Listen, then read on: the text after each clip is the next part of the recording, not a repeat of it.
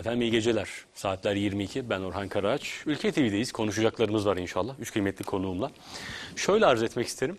Ee, hani uzmanların söylemiyle söyleyelim. Hız çağında yaşıyoruz. Has çağında yaşıyoruz. Ve çok fazla uyaranla karşı karşıyayız. Zannediyorum zamanımızın en büyük uyaranı nedir dersek şu akıllı telefonlar olacaktır. Ee, nedir? İnternetin de hayatımıza girmesiyle artık mahalleden, sokaktan, semtten, siteden, daireden, kapıdan derken cebimize kadar bir uyaranla, giren bir uyaranla karşı karşıyayız. Şimdi hani geleneğimizde Üstad Necip Fazıl'ın söylemiyle söyleyelim. Bir gençlik tarifini şöyle yapmıştır. Zaman bendedir ve mekan bana emanettir şuurunda bir gençlik diye.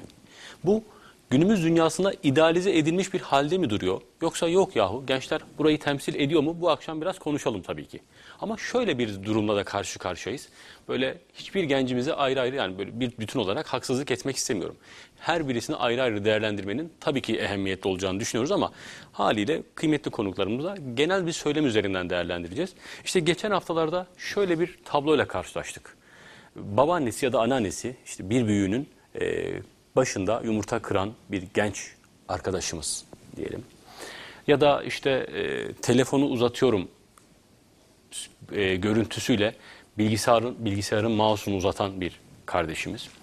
Bunlar böyle biraz fazlaca görünmeye başlandı. Peki ne uğruna?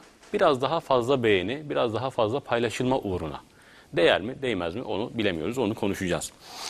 O zaman soru şu, zaman bendedir ve mekan bana emanettir şuurunda bir gençlik hedeflerken nasıl oldu da gençlerimizden bunları görür hale geldik ya da genel gençlik sosyolojisi bize bugün itibariyle 2020 itibariyle ne söyler?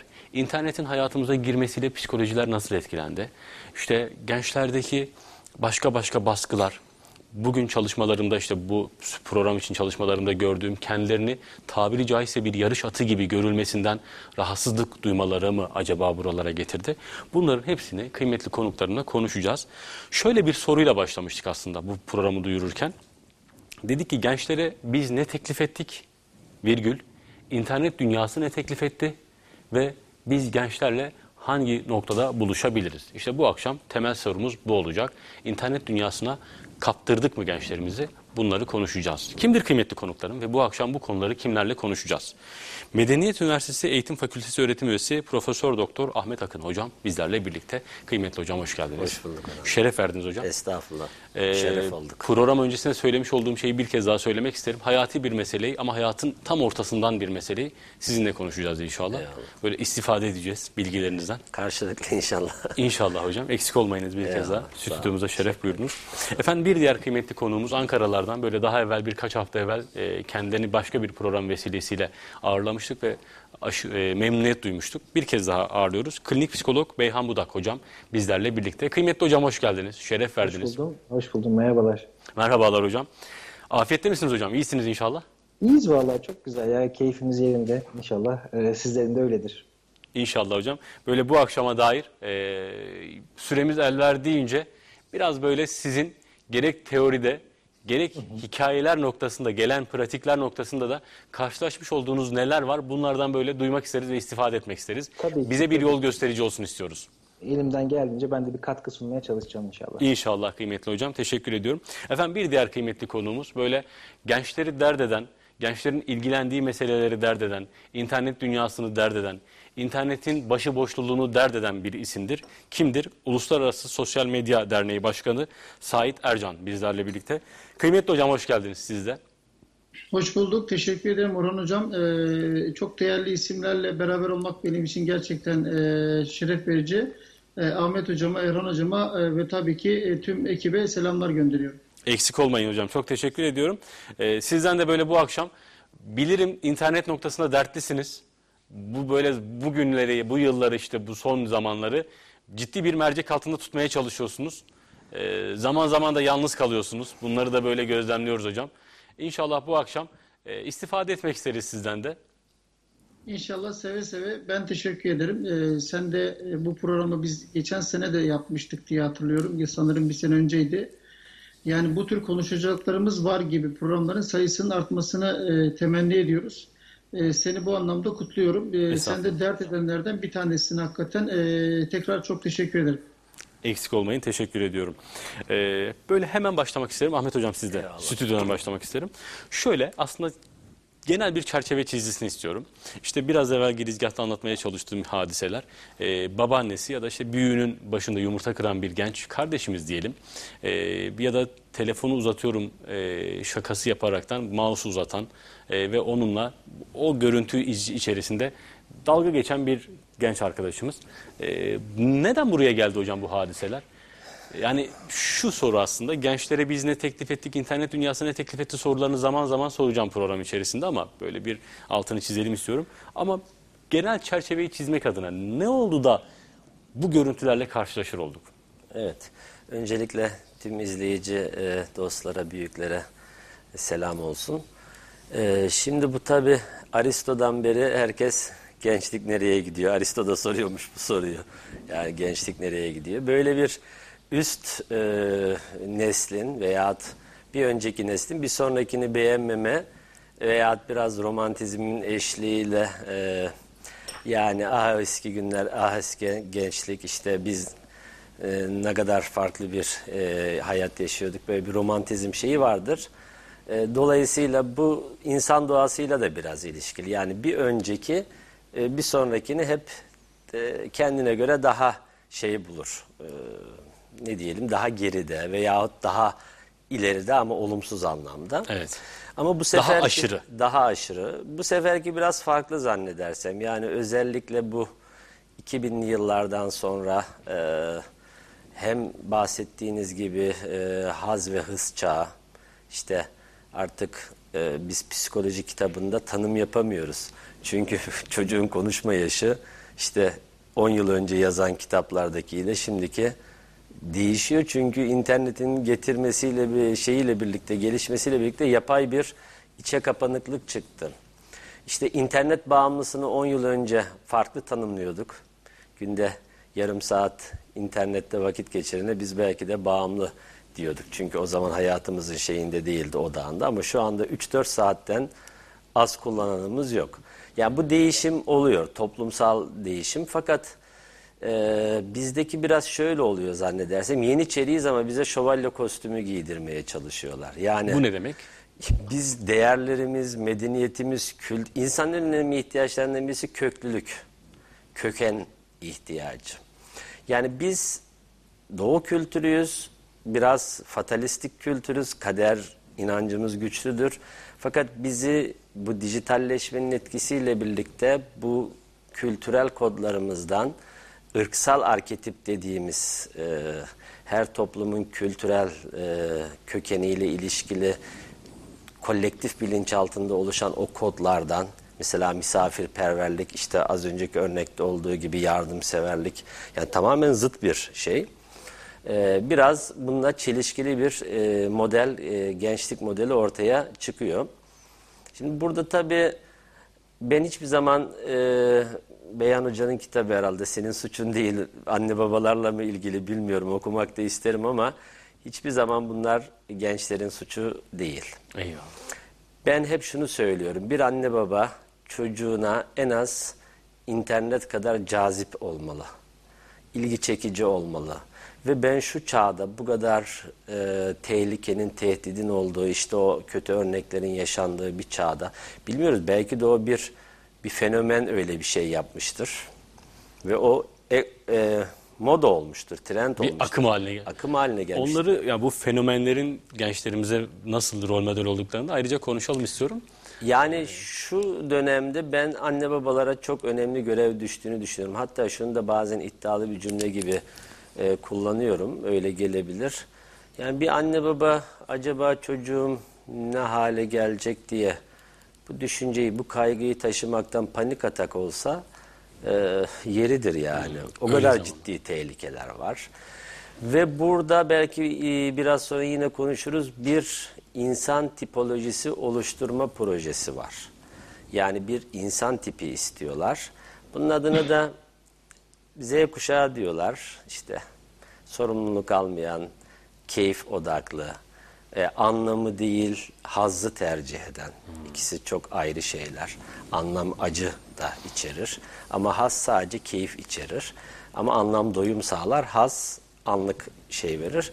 Yani bu çağda şeytan hep kazandırıyor çünkü peşini ödül veriyor. Mesela orada o e, gencimiz e, geçen bir hoca arkadaş söylemişti. Abdullah beğeninin kulu olmuş.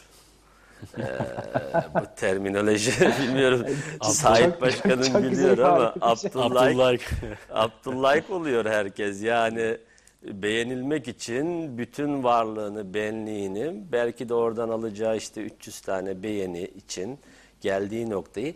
İşin kötüsü şu e, Orhan Hocam, e, Dunning-Kruger sendromu diye bir sendrom vardır psikolojide. Bunu yaşamamak ve fark etmek lazım. Çocuklarımıza da bunu hissettirmek lazım.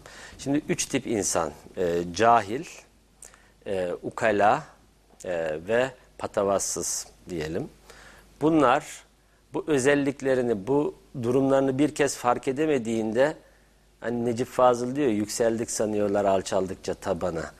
Mesafe geçtikçe belki iyi insan tanımından, bilgili insan tanımından veyahut işte sosyal insan tanımından giderek uzaklaşıyorlar ama bunu görme şansını da bir o kadar kaybediyorlar.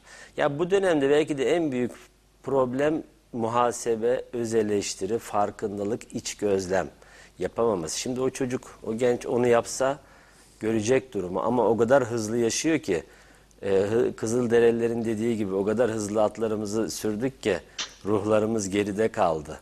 Yani şu anda keyfe o kadar odaklanmış ki yani işte birkaç ay önce de e, şeyden arabadan düşüyor çantasıyla poz verme falan şeyleri vardı. Yani FRP denen bir şey var. Fantasy role playing. Bu benim çok dikkatimi çekiyor. Gençlerde bu tarz şeyler e, yaygınlaştı. Mesela bir, ya çok acı verici bir durum aslında. Bir yaşlı amca bankamatikten para çekiyor. Arkasında bir genç, işte o ferepeci dediğimiz, o modaya uygun yaşayan bir genç. e, diyor ki, "Aa, size yardım edeyim amca diyor. E, kendi geçiyor, ona yardım edecek gibi bir şeyler. O adamın o andaki ne diyelim zaaflarını birisi de kayda çekiyor. Ve gidiyorlar bunu evde izliyorlar. Yani bu artık insanoğlunun gelebileceği noktayı kendini aldatmaya bir başladı mı tahmin edemezsiniz. Yani o Dunning-Kruger sendromunu yaşadı mı, yaptığı şeyi gözlemleyip kendini eleştiremedi mi? Şu anda muhtemelen böyle bir sorun yaşanıyor. Yani farkındalık problemi. Ama anne baba ne kadar evde? Tabii bunu ileride Bunları açalım. Yani lazım. şuradan itibaren anne baba en az internet kadar Cazip cazip, olmalı. olmalı. Bir insan tipi amaçlanıyor. Ee, ve hani şuurlarımızın önüne çekilen perdeler işte hızlandıkça haz art, mekanizmasını artırdıkça daha doğrusu haz odaklı düşündükçe ve hızımız arttıkça e, bir şeyleri görme e, Şeyimiz azalıyor. Çünkü hızlı bir şekilde gidiyoruz ve etrafımızı görmüyoruz. yani cehalete bulaştıkça ceha, cahil olduğumuzu görme şansımızı Bunu- kaçırıyoruz. aslında. Hocam ama söylemlerinizden genel olarak şöyle bir şey çıkartıyorum. Aslında mesele çok da gençlerin değil suç. Bir bir dizayn amaçlanıyor. Gençler haliyle buna e, başka taraflarda cazibe merkezi kuramazsak bunun içine çekilecekler. Çünkü e, hareketliler, kanları hızlı akıp bu klasik söylemler üzerinden ve enerjilerini bir şekilde boşaltmaları lazım. Bunu bu sebepten o zaman gençlerin önündeki ebeveynlerden başlamak lazım galiba ki gençleri arkadan toplayabilelim. Bunları bu akşam ayrı ayrı açacağız. Hatta böyle e, yakın zamanda yapılmış Türkiye'deki gençleri e, genel bir böyle e, mercek altına tutmuşlar. Onlarla alakalı sonuçlar var. Dikkat çeken sonuçlar. Onları da programın ilerleyen dakikalarında konuşmak isteriz ayrı ayrı. Çünkü değişik sonuçlar da var. Yani istatistikler var orada. E, Beyhan Hocam Hocam sizle devam etmek istiyorum. Ee, aynı soru yani gençler e, buraya buraya derken nereden başladı, nereye geldi, ne oldu? Bu görüntüler neden karşımıza çıkmaya başladı? Bunlar hocam. Ahmet Ahmet hocam çok güzel noktalara değindi. Yani e, bir e, çocuğun ya da ergenin ya da gencin aslında ailesinden bağımsız değerlendirilemeyeceği bir diğer şey de aslında anlam yoksulluğu, yoksunluğu ve hayatı acıdan gayrı hayal etme, e, arzulama ve öyle zannetme arzusu gibi bir durum çıktı. Şimdi ben şöyle düşünüyorum. E, birisinin içi ne kadar boşsa e, ne kadar sevgi, saygı, güven yani depoları dolmamışsa o kişi aslında bunu sonrasında farklı e, kanallarla tatmin etmeye çalışır. Yani bu başka bir genç için mesela markalı kıyafetler almak, başka bir genç için çok fazla sık ve e, flörtöz ilişkilere yani 100-150 ilişkisi olan daha 18 yaşına gelmesine rağmen insanlarla karşılaştım ben. Yani bir tatmin aslında şöyle bir şey var. Bir şey e, görünürde herkes için faydalı olmayan bir amaca yönelik görünüyorsa, işlevsel bir amacı yoksa o zaman biz şundan bahsediyoruz. Bunun aslında içeride bir yerde farklı bir telafi mekanizması olduğunda. Burada kastettiğimiz şey ne? Şimdi bakıyoruz e, bir e, genç var, bir babaanne var, anneanne var ve sonrasında şöyle bir durum var. E, bu çocuk ne eksik kaldı da neyi e, tamamlamaya çalışıyordu o like'la an, babaannesini ya da anneannesini feda edecek kadar bu ilgiye alakaya ihtiyaç duyuyor. E, çünkü şey değil yani kısa süreli anlık bir olay. Yani burada e, şunu düşünüyorum ben kafası karı, karışık gerçekten önem vermeye çalışan ya da vermeyen ya da umursamayan ya da aşırı sıkıştıran, durmadan bir şeyler öğretmeye çalışan anne babalardan sonra aslında ihtiyaçları giderilmemiş bir gençlikten bahsediyoruz. Bir yandan anne baba cephesinde böyle bir şey var. Gerçekten yani e, kafası karışık bir e, anne baba nesli. Onlar da ne yapacağını bilmiyor. Bir taraftan da şöyle bir şey, hız çağında yaşıyoruz ve amacımız tamamen anlık tatmin. Yani bu e, bir Instagram'da da, Facebook'ta da, herhangi bir oyunda da, e, bilgisayar tabanlı FRP oyunlarında da ya da gerçek e, role playing'lerde de aslında anlık bir tatmin amaçlanıyor. Ben bir şey yapacağım ve onun sonucunu hemen alacağım. Ve böyle olunca hayatın akışı aslında hayatın sonuçları, anlamı, gerçek sonucu birazcık daha sabretmek üzerine, birazcık daha acı, e, beklemek, sıkıntı, sıkılmak bunlara da e, odaklanmayı gerektiriyor ama yeni nesil birazcık daha bunları gözden kaçırıyor ve hemen bir şeye odaklandığı zaman eğer oradan bir çıktı alamıyorsa annesiyle babasıyla ya da herhangi bir yetişkinle ilgisini çekmiyorsa hadi benim, benim dikkatimi da çekecek başka bir şey lazım.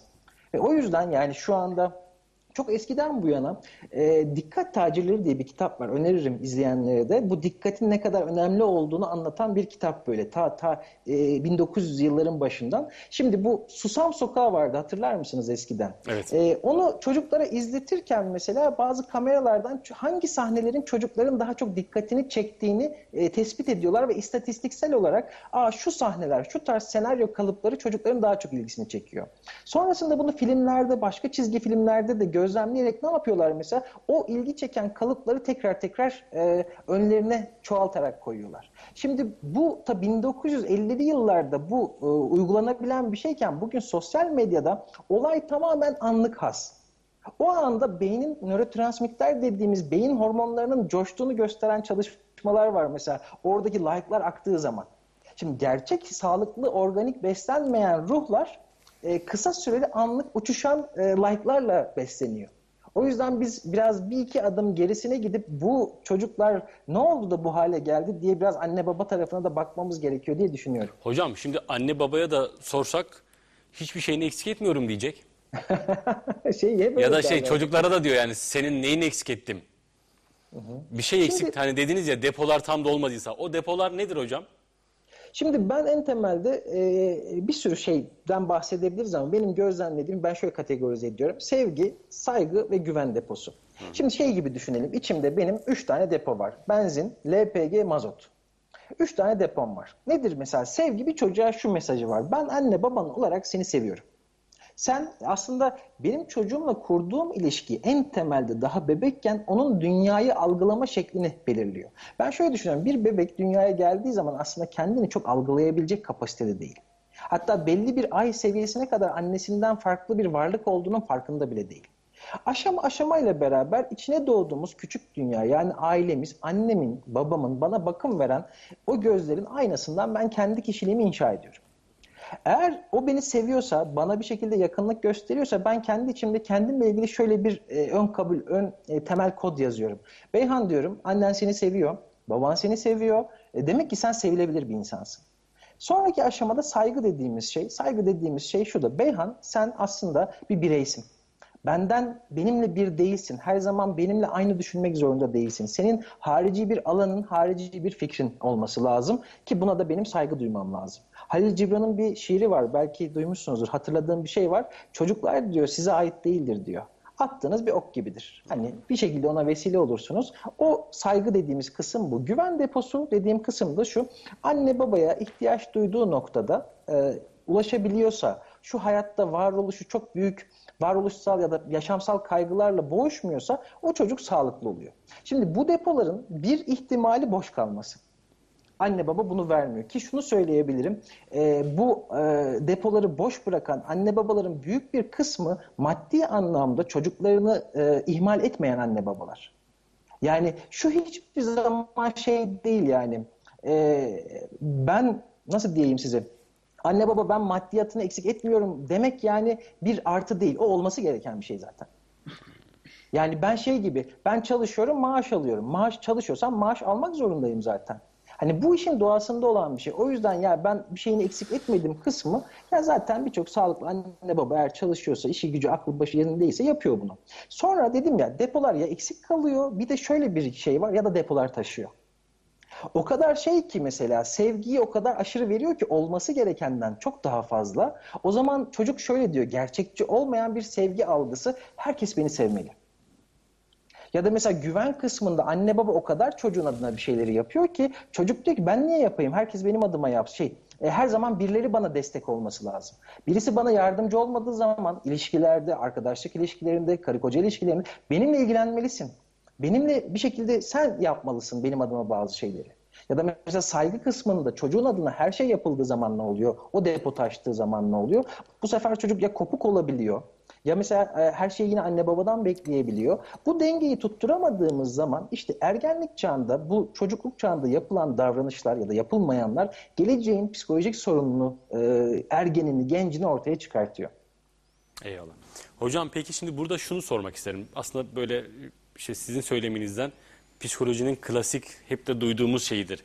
Bir hadise var ise bir hasta diyelim daha doğrusu danışan çocukluğuna inmek lazım. Bugün karşılaşmış olduğumuz tabloda bizim bunları çözebilmemiz için o zaman sizin söylemlerinizden şunu çıkartıyorum. Bugün değil bilakis çocukluğuna inip ebeveynler o gençleri nasıl yetiştirdi bunlara bakmamız lazım. Bu e, tamamıyla böyle diyemeyiz. Ortada bir psikolojik sorun varsa elbette biz her zaman çocukluk çağındaki kökenlerini anlamaya çalışıyoruz. Yani her zaman şöyle bir şey yok. Yani geçmişi silmek diye bir şey mümkün değil. Geçmişte evet. yaşanan acı tecrübeleri hafızamızdan kaldırmak diye bir e, seçeneğimiz yok. O izlerle beraber biz aslında büyüyoruz, pişiyoruz. Ama şöyle bir durum var. E, bugün ne olduğumuzu belirleyen şeyin geçmişteki kökenini bilirsek en azından sonraki adımlarımızda ya da yeni anne baba olan insanlar düşündüğümüz zaman daha sağlam adımlar atabilir. Şimdi 1900'lü yılların başında ya çok net hatırlamıyorum. Hocam belki daha iyi hatırlar. Bir pedagoji dergisi var. Alman pedagoji dergisi. Diyor ki erkek çocuklarının sert ve ayakta dik durabilmesi için gelecekte kendine güvenli olması için asla kucağınıza almayın. Sevgi göstermeyin. O zamanın e, dilinde popüler bir bilim dergisinde, pedagoji dergisinde bu yer alıyor.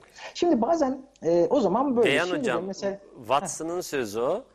Ee, hemen parantezi düzelteyim isterseniz. Şey, çocuklarınızı asla sevmeyin, kucağınıza almayın, onları öpüp koklamayın. Çok yakında iki yetişkin gibi anlaştığınızı göreceksiniz. Davranışçılık böyledir yani, makine gibi görür. Bu gerçek midir? Tabii Şimdi tabii, o tabii zaman- onlar çok fenadır. Davranışçıların kurucuları. Ya şimdi o zaman düşünsenize ben mesela o çağda yaşıyorum. Bir anne babayım ve kendimi geliştiren bir anne babayım. Bunu okuyorum ya çocuğuma göstermiyorum. O zaman hakikaten e, belki de geleceğin bir sürü psikopatını yetiştirdi anne babalar böyle davranarak. Şimdi mesela Kim bilir bakıyoruz. E, özgüven noktasında mesela çocuklara hak etmediği bir özgüveni sunmaya çalışıyoruz. Sen yaparsın, sen harikasın, sen mükemmelsin. Bir kısım mesela depoları doldurmazken bir kısımla ciddi anlamda bu aşırı dolan depolar var. Ben, ben, ben, ben. Geçen programda da demiştik ya ben nesli dediğimiz bir e, durumdayız aslında. Eyvallah. Hocam şey de çok fazla. Biz yaşayamadık, biz göremedik ya da işte ya bir gün bırakacak zaten hayat ona yüklendiği zaman şeklinde. Bugün yapsın yapabildiğini bakış açısının da zannediyorum doğurduğu böyle sıkıntılı sonuçlar var. Kesinlikle. Ee, bunları da böyle ayrı ayrı konuşacağız hocam. İnşallah satır satır açacağız. Sizin kitaptan bir bölüm okumak isterim. Bu arada kitap çok güzel olmuş. Hemen göstereyim. Teşekkür ederim. Ee, Senin Suçun Değil Beyhan Hocam'ın kitabı. Tavsiye ederim. Böyle hikayeler üzerinden, hocamın kendi tespitleri üzerinden çok hoş bir şekilde insana ışık tutuyor. Şöyle gösterelim mi? Ee, hocam İngiliz psikanalist ve psikiyatrist John Bowlby çocuğun 0-5 yaş aralığında annesiyle kurduğu ilişkinin yapısının çocuğun hayatı boyunca tekrarlandığını yazmıştır ve bu kurama bağlanma kuramı ismini vermiştir. Ben bunu çok önemsedim hocam. Yani 0-5 yaş arasında annesiyle kurduğu ilişki yap, ilişkinin yapısı çocuğun hayatı boyunca tekrarlanıyor. Biz buraları böyle çok hızlı geçiyoruz mesela. Ya şey gibi dedim ya çocuk kendini e, tanımlamıyor, bilmiyor. Mesela orada şeyden bahseder. En temel e, sonradan daha detaylandırılıyor bağlanma kuramı. Evet. Bağlantı. Bağlanma derken bağlantı. Hocam Oldu bir- ama görüntü? Şu an iyi. Görüntü nasıl şu an? Şu an gayet iyi hocam. Şu an toparladı mı? Evet. Ha şey diyorum yani çocuk doğduğu zaman aslında dünyayla e, nasıl bir ilişki kuracağını e, anne babasıyla geliştirdiği en temelde bakım veren kişiyle geliştirdiği ilişki şeklini hayata genelliyor. Yani güven dolu bir ilişkisi varsa etrafındaki insanlara güveniyor. E, böyle tutarsız bir ilişkisi varsa e, bu sefer mesela yetişkinlik döneminde çok fazla terk edilme korkusu olan, aşırı kıskançlık yaşayan ya da bağımlı ilişki geliştiren insanların bir kısmına bakıyoruz. Zamanında anne babasının tutarsız bir sevgi gösterdiğini görüyoruz. Ya da mesela bazı çocuklar anne babadan birisi alkol bağımlısı olabilir.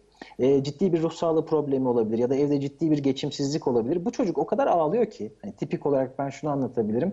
Bir süre sonra ümidi kesiyor. Diyor ki ben ne yaparsam yapayım anne babamdan e, ilgi göremeyeceğim ve kapatıyor kendini. Kaçıngan bir şey oluşturuyor yetişkinlik döneminde. İlişkilerde mesela bu insanlar yetişkinlik döneminde yakınlık kuramıyorlar, uzak duruyorlar ve enteresandır. Böyle insanlar e, özellikle erkek olan versiyonları sosyal anlamda bu oyunlar var. Mesela sonu olmayan e, Night Online gibi LoL gibi oyunlar var mesela. Onlar da inanılmaz vakit geçiriyor.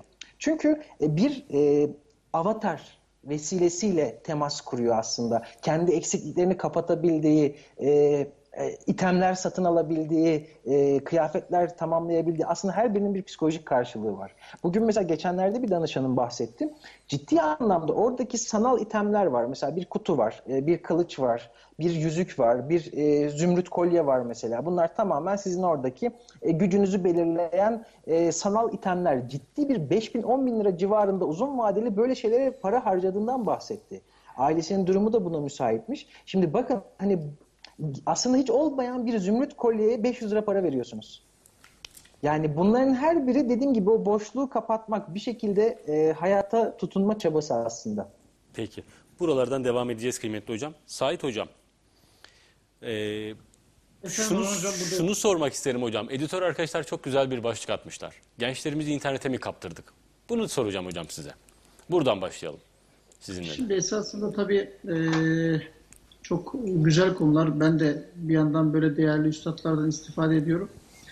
E, ama internetin içerisinde en başından beri kafa yoran birisi olarak e, birkaç şey e, özellikle söylemek istiyorum. Mesela e, katılmadığım yerler de var muhakkak. E, bunlardan bir tanesi şu. e, mesela bir çocuğun bir oyun için o oyundan bir item satın alması, bir karakter satın alması ya da Farmville'de Farmville oyununda domates kasa kasa domates satın alması e, ilk başta bize çok tuhaf geliyor ve saçma geliyor.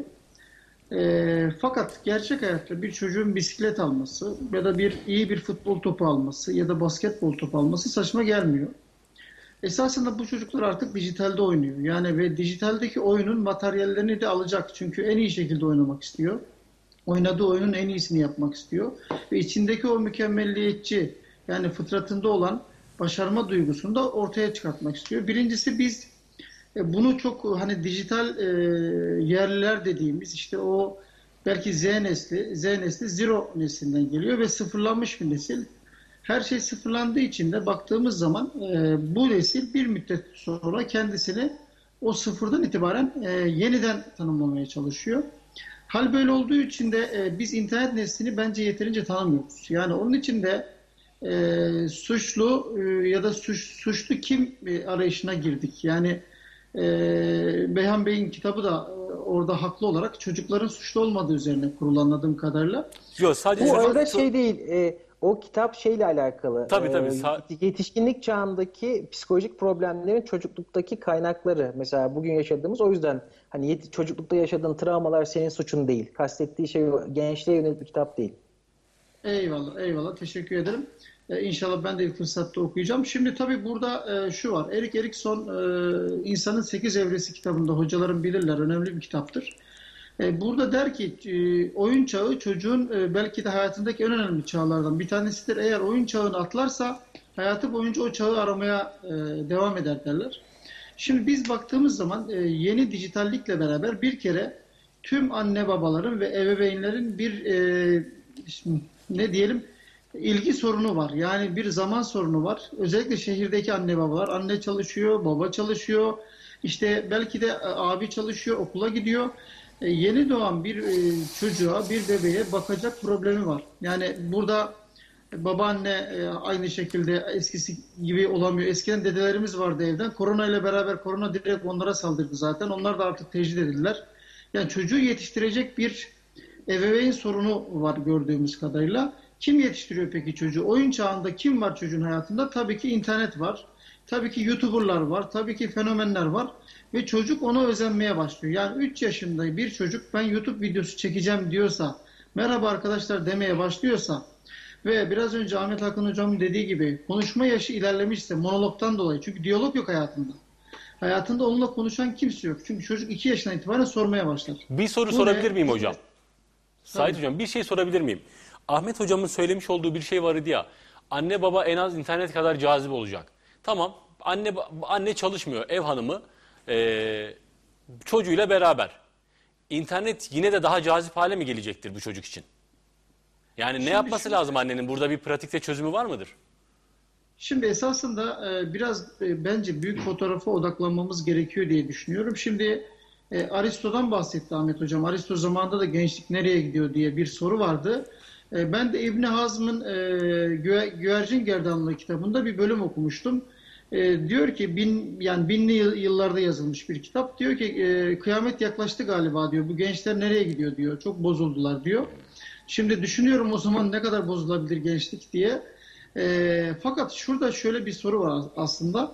Dijitalle beraber tüm e, alışkanlıklarımız değişiyor. Yani o kadim dünyaya dair ne varsa değişiyor. Yani e, bence o eski dünyaya dair bozulmalar ile dijitalle başladığımız daha belki dijitalin emekleme döneminde yani belki 30 yıllık 20 yıllık bir süre zarfında ilk sanal ağ kurulduğundan beri e, ilk sosyal medya e, sitesi kurulduğundan beri 16 yıl geçmiş. Henüz daha başlardayız diyebiliriz. E, ben şimdi geriye dönüp baktığımda 96, 96 yılıydı, 1996 yılıydı. Bir öğretmenimiz derse geldi ve dedi ki çocuklar dedi yoldan gelirken bir adamı gördüm. Tetris'le oynuyordu. 3 saat sonra tekrar oradan geçtim hala Tetris'le oynuyordu. İnanabiliyor musunuz dedi. Biz hepimiz ağzımız açık kaldı. Aa hocam gerçekten mi? Yani Tetris'le 3 saat boyunca bir adam nasıl oynayabilir? E, diye şaşırdığımızı hatırlıyorum. E, aradan geçen belki de işte e, o 25 yıllık e, süre zarfında, 24 yıllık süre zarfında baktığımız zaman Türkiye ortalaması e, 7,5 saat internet, 3 saat sosyal medya, 3 saat televizyon, 1 saat oyun, 1 saat müzik sanırım 15 saati buluyor. E, esasında 24 saat diye düşünürsek geriye bizim 9 saatimiz kalmış. E, Yani e, bu Türkiye ortalaması e, maalesef diyorum dünyada ilk ondayız. Ve geri kalan 9 saatlik süre zarfında biz işte e, uyku uyuyacağız, e, yemek yiyeceğiz, işte kişisel ihtiyaçlarımızı gidereceğiz, sevdiklerimize vakit ayıracağız ve en temeli kendimize vakit ayıracağız. E, bunları yapmamız imkanımız yok maalesef ve insanlar kendine vakit ayıramazken, bir anne baba kendine vakit ayıramazken e, çocuğuna nasıl vakit ayıracak? Mesela Japonya'da hikikomori diye bir hastalık var. Hocalarım bilirler. Hikikomori Japonya'da yayıldı ve e, tüm dünyaya devam ediyor yayılmaya. Hikikomori de evde hapis kalma durumu ve sanaldan çıkamama durumu. Baktığınız zaman Hikikomori'de şöyle vakalar var. Sanaldaki karakterini kaybetmemek için çocuğu, çocuğu su istiyor, süt istiyor. E, yani Japonya'da kayıtlı vakalar var. Çocuğu ölüyor mesela. Sanal karakter ölmesin ama çocuk ölsün. Çünkü second life dediğimiz bu ikinci hayat yani sanala taşıdığımız hayat birinci hayat olmaya başladı. Yani Sait Ercan için gerçek hayattaki mahalledeki itibarından ziyade sanaldaki itibarı daha önemli hale geldi. Yani belki gerçek hayattaki işte o, o, o her gün gittiği bakkalla çok muhabbet etmiyor Ama dünyanın öbür ucundaki bir dijital arkadaşıyla, bir Instagram arkadaşıyla akşama kadar sohbet ediyor mesela. Hocam fotoğraf böyle. Sebebi ne? Çok temelde Sebebi sebebi, şu- nedir? Sebebi şu bence yani bunun üzerine bir kere e, çok fazla kafa yormalıyız. Çok fazla kitaplar yazılmalı. Çok fazla programlar yapılmalı. Birincisi şu. Dijital yerliler ki biz de dijital mülteciyiz. Yani dijital göçmeniz. Biz dijital içerisine dışarıdan göçtük. Yani buradaki tüm e, hocalarım dijital içerisine sonradan göçtü. Ama o çocuklar doğduğunda her şey vardı. Tablet vardı, televizyon vardı, internet vardı. Onlar bizim bildiğimiz şeyleri bilmedi. Yani bir gazozuna mahalle maçının zevkini bilmediler. İşte aileyle geçiren o akşam oturmalarını bilmediler. Hep beraber bir evde toplanıp izlediğimiz filmlerin lezzetini bilmediler. Öte yandan topluca yaptığımız işte akraba sohbetleridir, işte ev sohbetleridir. Bunların hiçbirisini bilmediler. Onlar doğduğunda önlerinde bir bilgisayar buldular, bir tablet buldular, bir telefon buldular ve onlara denildi ki al bunu sus denildi. Şimdi o çocuklara diyoruz ki sizin yaşadığınız hayat değil, gerçek hayatı biz yaşadık diyoruz. Peki çocuk bunu nasıl kıyaslayacak? O haz ve hızlı e, bizim bulduğumuz haz ve hızı hiç görmedi. Yani o hazzı hiç görmedi. Onlar tamamıyla sanal bir hazla yaşadılar ve bu dünyada bir kariyer sunuldu önlerine. Birçok arkadaşlarını gördüler. İşte YouTube'da kanalı olan arkadaşını gördüler. Hayatları değiştiğini gördüler. Ya da işte çok arkadaşı olana çok önem verildiğini gördüler. İşte influencer diyoruz, fenomen diyoruz. Ve gerçek hayattaki o rol modeller kayboldu, dijital rol modeller oldu. Şimdi geçen sene yine e, böyle e, Datça'da, Ege'de bir yerdeydik. Bir arkadaşımızın 8 yaşında oğlu var. E, oğlu e, Antalya'da yaşamak istiyor. Babası da böyle biraz sitemli. E, Sait amcası dedi. Kendisi Antalya'da yaşamak istiyor. Sen dedi Datça'yı çok seviyorsun. Bir konuş istersen dedi. Dedim ki ya ben Datça'ya gelmek istiyorum. Sen Antalya'ya gitmek istiyorsun. Hayırdır? Çünkü dedi benim sevdiğim YouTuber Antalya'da yaşıyor. Şimdi e, o rol model işte yani o e, hayattaki artık dijital rol modeller bizim gerçek hayatta değil mi kahramanlarımız vardı. İşte ne bileyim babamız bizim hakikaten kahramanımızdı. Şimdi benim son dönemde çok fazla e, üzerinde durduğum bu Kore popu ile ilgili gençlerle şöyle bir sohbetim oluyor genelde. Bunu bir e, konferansta da yapmıştık. Hatta Konya'da bir konferanstaydı. Öğrenciyi kaldırdım. Dedim ki e, senin bu dinlediğin K-pop e, sanatçısının dedim kaç tane fotoğrafı var telefonunda? Hocam dedi 6000 tane fotoğrafı var dedi. E, peki dedim anne babanın dedim kaç tane fotoğrafı var? Ya belki 100 tane vardır dedi. Peki bu normal mi dedim. E, normal değil hocam dedi.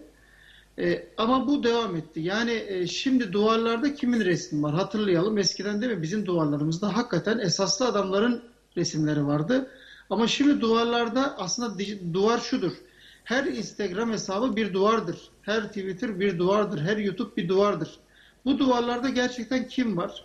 Buna bakmak lazım. Bence model değişiyor. Çok köklü Eyvallah. bir değişim tam ortasındayız. Hocam şimdi Ee, daha- sizin anlattıklarınızdan anladığım da aslında Beyhan hocamla veya Ahmet hocamla aynı yere çıkıyor. Yani ortada e, dijital göçmen ya da dijital yerli yani onlar yerli olarak düşünelim e, Z kuşağını E, ve ihmal edilmeleri sonucunda yani tamam tek sebep bu değil ama işte Beyhan hocamın işaret ettiği o güven, saygı, sevgi depoları tam olarak doldurulamadığı için başka arayışlara giriyorlar. İhmal ediliyorlar. Yani ihmal. Bence bu kavram çok önemli bir hal alıyor günümüzde. Çünkü Bir şey ebeveynlerin de burada? kendi yoğunlukları var. Buyurun tabii ki hocam. Şimdi e, Sait Bey'in söylediği gibi şöyle bir durum var. Aslında herkes belli bir bu ergenlik döneminde, gençlik döneminde internetin bağrına düşüyor herkes. Şimdi bugün Z kuşağı denilen hani e, 2000'li yılların başı dersek mesela şu anda 20 yaşında üniversite okuma çağına geldi hani bu insanlar ve e, eğer ki aile noktasında mesela sıkıntılı bir yapı varsa ya da bireysel anlamda sıkıntılı bir yapı varsa, patolojik bir yapı varsa bu e, internetin hani bir kısmına giriyor ama sonrasında daha derin ve sıkıntılı noktasında kalmaya başlıyor. Mesela e, her ergen, her genç sosyal medyada, e, oyunda ya da başka bir şeyde bir dönem fazlaca zaman geçiriyor. Ama aynen Erikson'un olduğu gibi mesela sonrasında e, evre değişiyor. Üretken olmak gerekiyor, yakınlık kurmak gerekiyor. Üniversite çağına girdiği zaman depoları sağlıklı olan ya da e, yeterli düzeyde psikolojik sağlamlığa sahip olan çocuklar yavaş yavaş o yetişkinlik döneminde gerçek ilişkiler kurarken zorlanmıyorlar. Ama bir kısım var ki o depoları dolmayan dediğim mesela bakıyorsun şu an e, Amerika'da bu daha fazla. Japonya'da zaten e, e, odasından yıllarca çıkmayan insanlardan bahsediyorlar bu bahsedilen rahatsızlıktan dolayı. Ben şu anda e, eskiye oranla çok daha fazla 30'lu yaşlarının yakınında olup e, evden çıkmayan akşama kadar oyun oynayan insanlardan bahsediyor. E, görüyorum yani.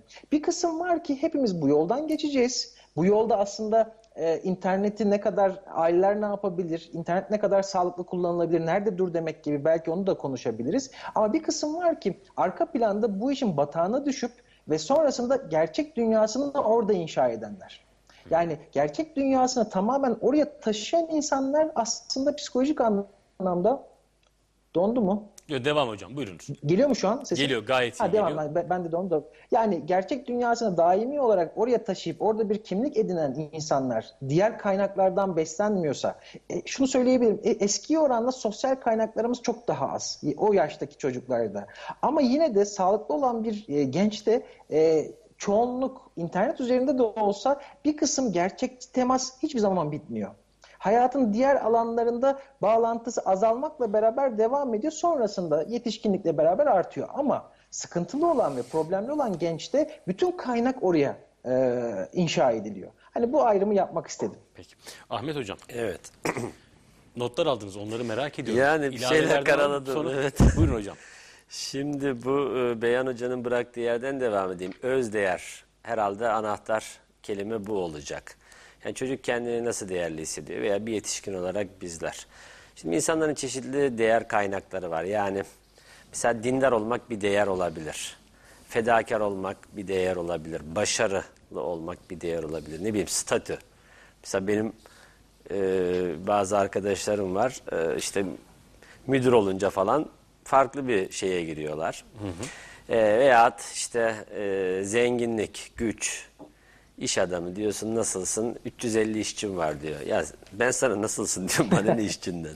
Rahmetli Necip Fazıl hep nasılım dermiş. Çok önemli.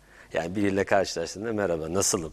Yani, Direkt kendi üzerinden tanımlıyor mesela. Bana ne senin nasıl olduğundan ben nasılım? ya bunu biraz kaçırdık. Şimdi bu özdeğer e, duygusunun bir kısmı maddi olabilir. O içerikte, o havuzun içerisinde para, güç, statü gibi. Ama bir kısmının manevi olması lazım. Sonal, soyut, nihai. Hocam lütfen buradan devam edin. Bir virgül sadedinde. Ee, işte bu araştırma, bahsetmiş olduğum araştırma 8000 denek üzerinde, ö- denek, örneklem üzerinden yapılıyor. Ee, ve gençlere e, hayatta mutlu olmak için en önemli faktörler nelerdir diye soruluyor. Hemen bu istatistikleri vereyim oradan devam edelim lütfen. Ee, %26.7'si para diyor ilk etapta. %26.7'si para, %23.1'i aile, %21.5'i saygınlık diyor. Böyle devam ediyor. Ben bu kameraya bakacağım değil mi? Bazen gözlerim kayıyor gibi Hocam siz görüyorum. dilediğiniz yere bakın. Öyle mi? Lütfen. Orhan Bey'e mi bakacağım? Eyvallah tamam. Buyur, yani %26.7'si saygı, parayla böyle birinci sıraya parayı koyuyor. Şey var mı mesela e, maneviyat yani özdeğer olarak veyahut akrabalık, aile. Aile %23.1 İşte o sorunlu mesela. Aile paranın önüne geçiyorsa e, Para geç- ailenin önüne. e, işte o sorun. Yani çağımızın büyük problemi kapitalizm, materyalizm ve ne diyeyim böyle modernite. Halbuki o modern biz biraz Rönesans'ı yanlış anladık. Yani Türk toplumu olarak Rönesans'ı şekil, kalıp ve işte ne diyelim yaşam tarzı değişimi olarak algıladık. Halbuki Rönesans yani Avrupa'da yaşanan Rönesans aydınlanmaya baktığımızda orada bilim, sanat ve fende bir gelişme var. Biz zannettik ki işte şövalye kostümü giyersek bunu giydirmeye de hazır ve e, bizi bu hale sokmak için bekleyen çok e, gruplar ve odaklar var. Ya bu özdeğer e, kavramını içerisini çok iyi doldurmak lazım. Çünkü bizim psikolojik bütünlüğümüzü, ruhsal e, dengemizi, işte psikolojik dayanıklılığımızı sağlayan şeylerin çoğunluğu aslında yanlış bilindiği gibi maddi şeyler değil. Şimdi e, İngiltere'de Yalnızlık Bakanlığı kurulmuş. O, o- 11 milyon yalnız var. Ee, yalnızların çoğu intihar eğiliminde bulunuyor. Bir de bu intiharı önlemek için yalnızlıktan kaynaklı intihardan sorumlu bir bakanlıkta müsteşarlık veya işte ne diyelim e, genel müdürlük kurulmuş. Ya bu bizim sosyal, fedakar, ne bileyim misafirperver az önce bir yerde okumuştum. Yani o kadar güzel örneklerimiz var ki toplumda. Onun yerine farklı e, değer kaynakları geliyor. Mesela çocuğunu yandaki komşuya e, evladım git oradan tuz iste. Anne evde tuz var ya. Hayır onların maddi durumu biraz kötü. Biz onlardan bir şey isteyelim ki onlarda da olabilecek şey tuzdur. Kesin olabilecek şey her evde olabilecek. O da bizden rahatlıkla iste, isteyebilsin. Yani şu inceliğe bir bakar mısınız? Rikkat mesela insanların kibar, nazik, latif olması, düşünceli olması, hasbi olması bunlar işte öz değeri bunlarla doldurursak o çocuk gidip babaannesinin kulağına o mouse'u vermeyecek. Çünkü onunla değerli hissetmek zorunda hissetmeyecek kendini. Mesela diğer vasıflarıyla hissedecek. Yardımsever olmayla hissedecek. İşte çevresiyle, akrabasıyla ilişkilerinin iyi olmasıyla hissedecek. Burada biraz bu öz değerin tabii işimize yaradığı yer öz sunum. Yani kendimizi nasıl sunuyoruz? Ben bununla ilgili bir araştırma yapmıştım. Evlenme e, çağ dediğimiz artık o çağda çok değişti. Şimdi burada notumda var. Evlilik yaşı 29, flört yaşı 13'e inmiş.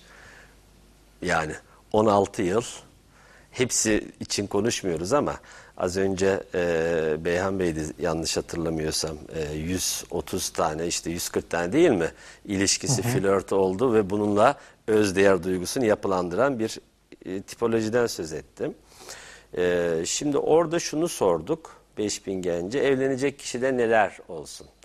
Hangi özellikler? Dindar olsun, işte e, ekonomik açıdan iyi olsun, yakışıklı güzel olsun, aileler uyusun, hobilerimiz uyusun, ne bileyim e, ortak bir etkinlik yapabilelim, işte entelektüel olsun.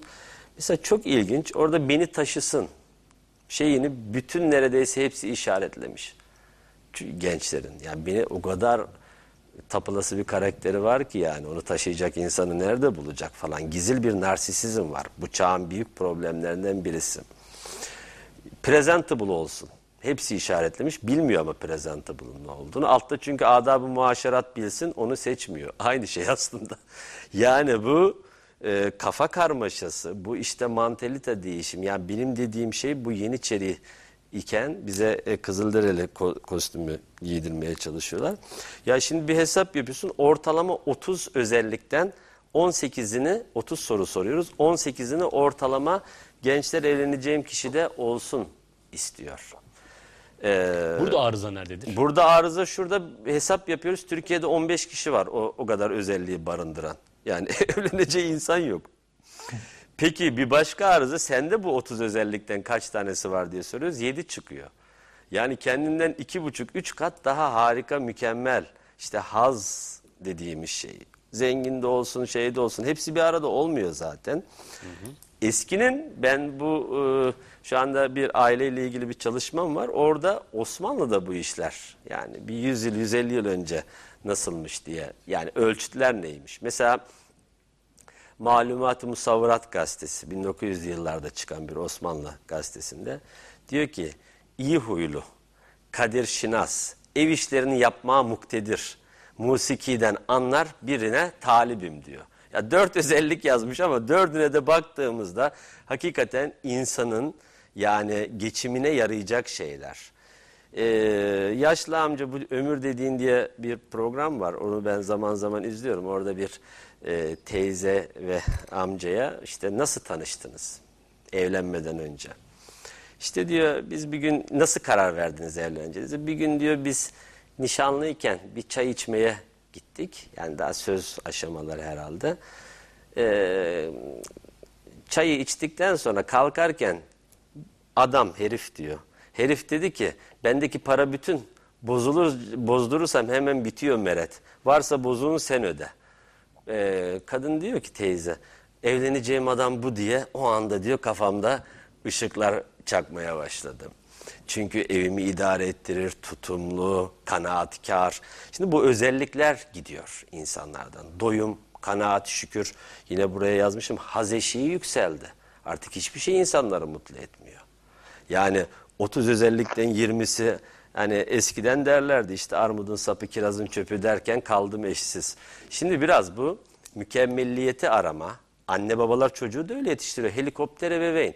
Ee, saz şeye de gitsin, gitar kursuna da gitsin, işte hobi de öğrensin, işte e, sınavdan da en yüksek notu alsın, en iyi okulda okusun.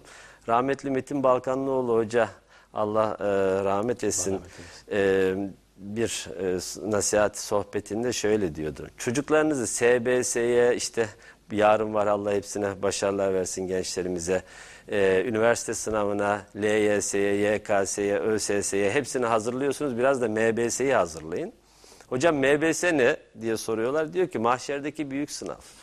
Yani biz çocuğun karakterine, kişiliğine, mizacına, onun hayatta kalma becerilerini yapabildiğimiz yatırımdır. Onunla e, şey yapacak olan.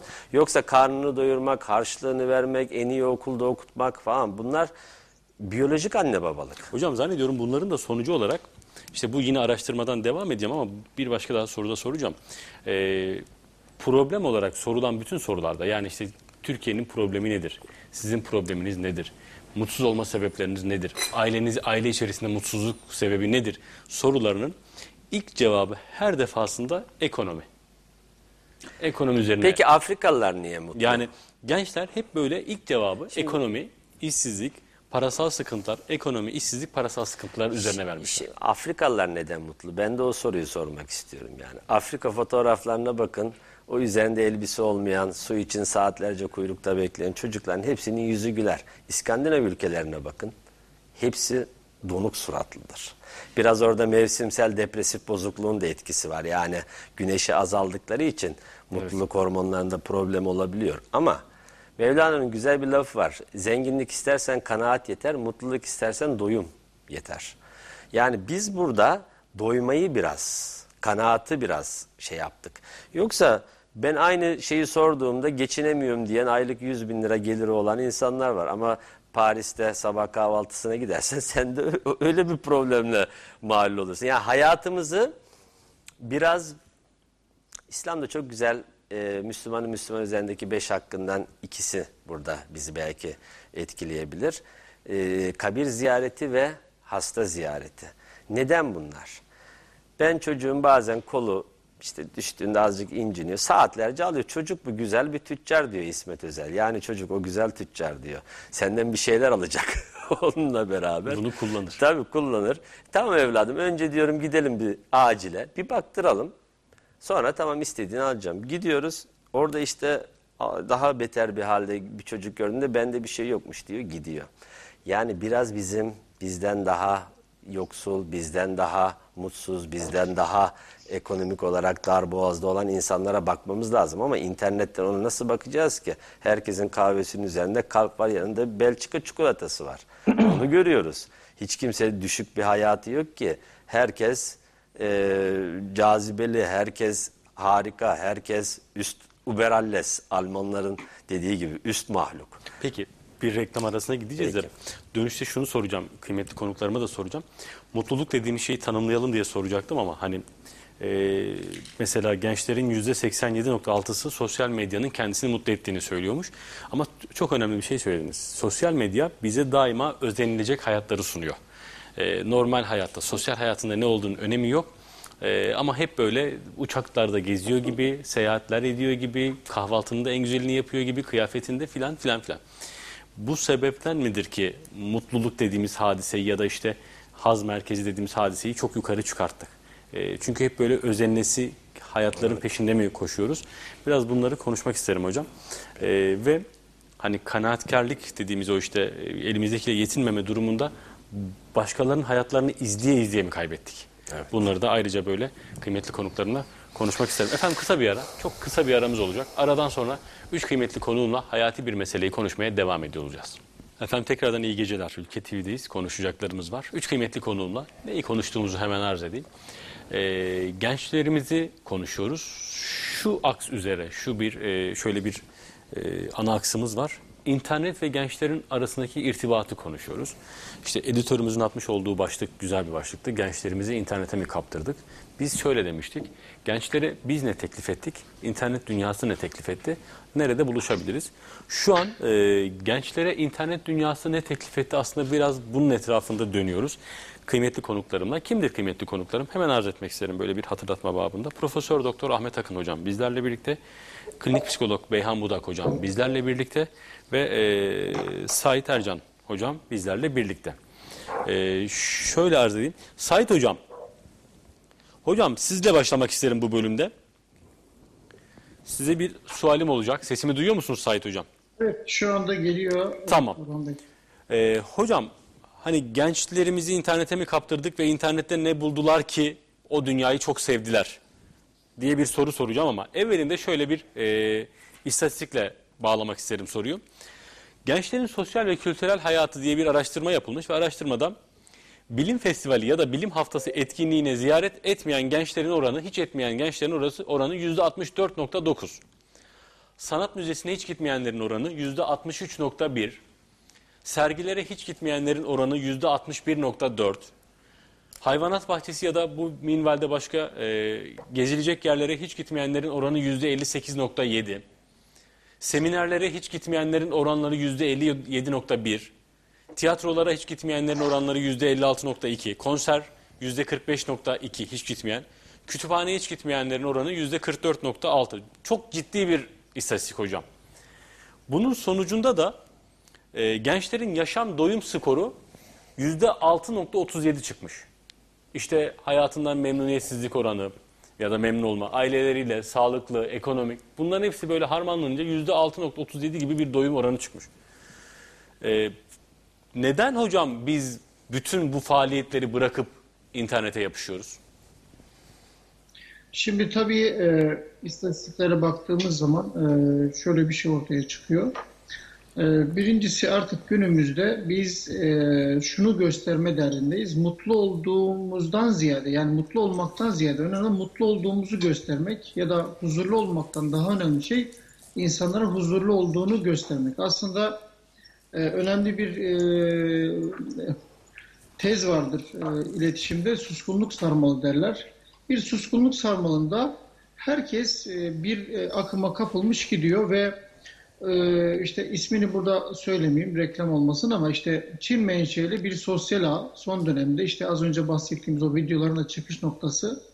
Bu sosyal ağda biz dünyada üçüncü sıradayız ve burada sizin çok izlenebilmeniz ve like alabilmeniz için olabildiğince e, absürt şeyler yapıyor olmanız lazım. Olabildiğince sıra dışı şeyler yapıyor olmanız lazım. Çünkü artık değer hanımefendi, beyefendi olmak, akıllı çocuk ya da akıllı genç olmaktan ziyade değer ne kadar takipçin var, ne kadar like'ın var, e, ne kadar izleniyorsun boyutuna kadar geldi ve e, maalesef e, işte toplum içerisindeki kabul görme, onay görme e, eğer bir video çok izleniyorsa toplumdaki onay görme oranının arttığını düşünüyor. Yani onun artık herkes tarafından kabullenildiğini düşünüyor. Ee, öte yandan e, eskiden beri e, bir o işte az önce bahsettiğiniz müzeye gitme oranı, işte kültürel etkinliklere katılma oranı falan dediğimiz zaman İstanbul'da özellikle e, bakıyoruz kamu kurumlarında e, belediyelerde o kadar güzel etkinlikler var ki yani ben de üniversite okurken e, İsmet Özel'in konferanslarını kaçırmazdık, İlber Ortaylı'yı kaçırmazdık, Üstad Sezai Karakoç'la tanışmaya giderdik. E, rahmetli Cahit Zarifoğlu mekan cennet olsun. E, Avrupa'yı otostopla dolaştığı değil mi? E, bize hep e, anlatılırdı ve ben ona hayran olurdum. Yani e, o zamanlar düşünün biz şimdi bile Avrupa'ya gitmeye işte ne yapacağız, e, nerede kalacağız, neye dikkat edeceğiz derken o otostopla Avrupa'yı dolaşmış ve o kültürleri tanıyarak kendi kültürel kodlarını nasıl koruyabileceğini de kitaplarına yazmış bir isim. Şimdi e, iki sene önceydi Sümele Manastırı'nı ziyaret ettim. Daha sonra aşağıya e, ilçe merkezine indiğim zaman çocuklarla sohbet ettik. Üç tane genç konuşuyorlardı. Dedim siz gittiniz mi Sümele Manastırı'na? Yok abi biz hiç gitmedik dedi. Neden dedim. Ee, öğrenciler için ücretsiz bildiğim kadarıyla dedim. Evet ücretsizdi ama dedi yol paramız yok dedi. E, tabii çok üzüldüm. E, ufak bir yol parası verdim. Yarın dedim gidiyorsunuz vaktiniz de var. Tamam abi senin için gideceğiz dediler. Gittiler mi gitmediler mi bilmiyorum. Fakat şunu biliyorum. E, kültürel şey bir ihtiyaç değil. Toplumda bir statü değil. Yani ona o güne kadar kimse belki de sormadı. Sen burayı gördün mü demedi. E, demediği için de onlar için bu bir ihtiyaç olmadı. Yani Sormayan bizde- derken kimi kastediyorsunuz hocam? Toplum derken onu biraz açalım mı? Kim sormayan? Tabii, tabii açalım. Yani bizim kültürümüzde bir müzeyi görmek, işte bir tarihi esere sahip çıkmak, hatta biraz daha ileri götürelim, e, çevreye sahip çıkmak bir değer değil, bir statü değil. Şimdi geçmişe dair her şeyi konuşurken, her şeyin iyi olduğu teziyle hareket ederken bazı şeyleri de e, tekrardan konuşmamız lazım. Yani maalesef biz Türkiye'de o çevrenin e, güzelliğinden farkında değildik.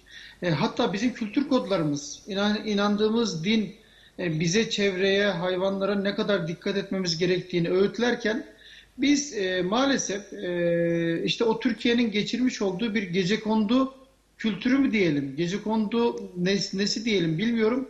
Bir dönem o hayatta kalma döneminde insanlar bunları e, ötelediler.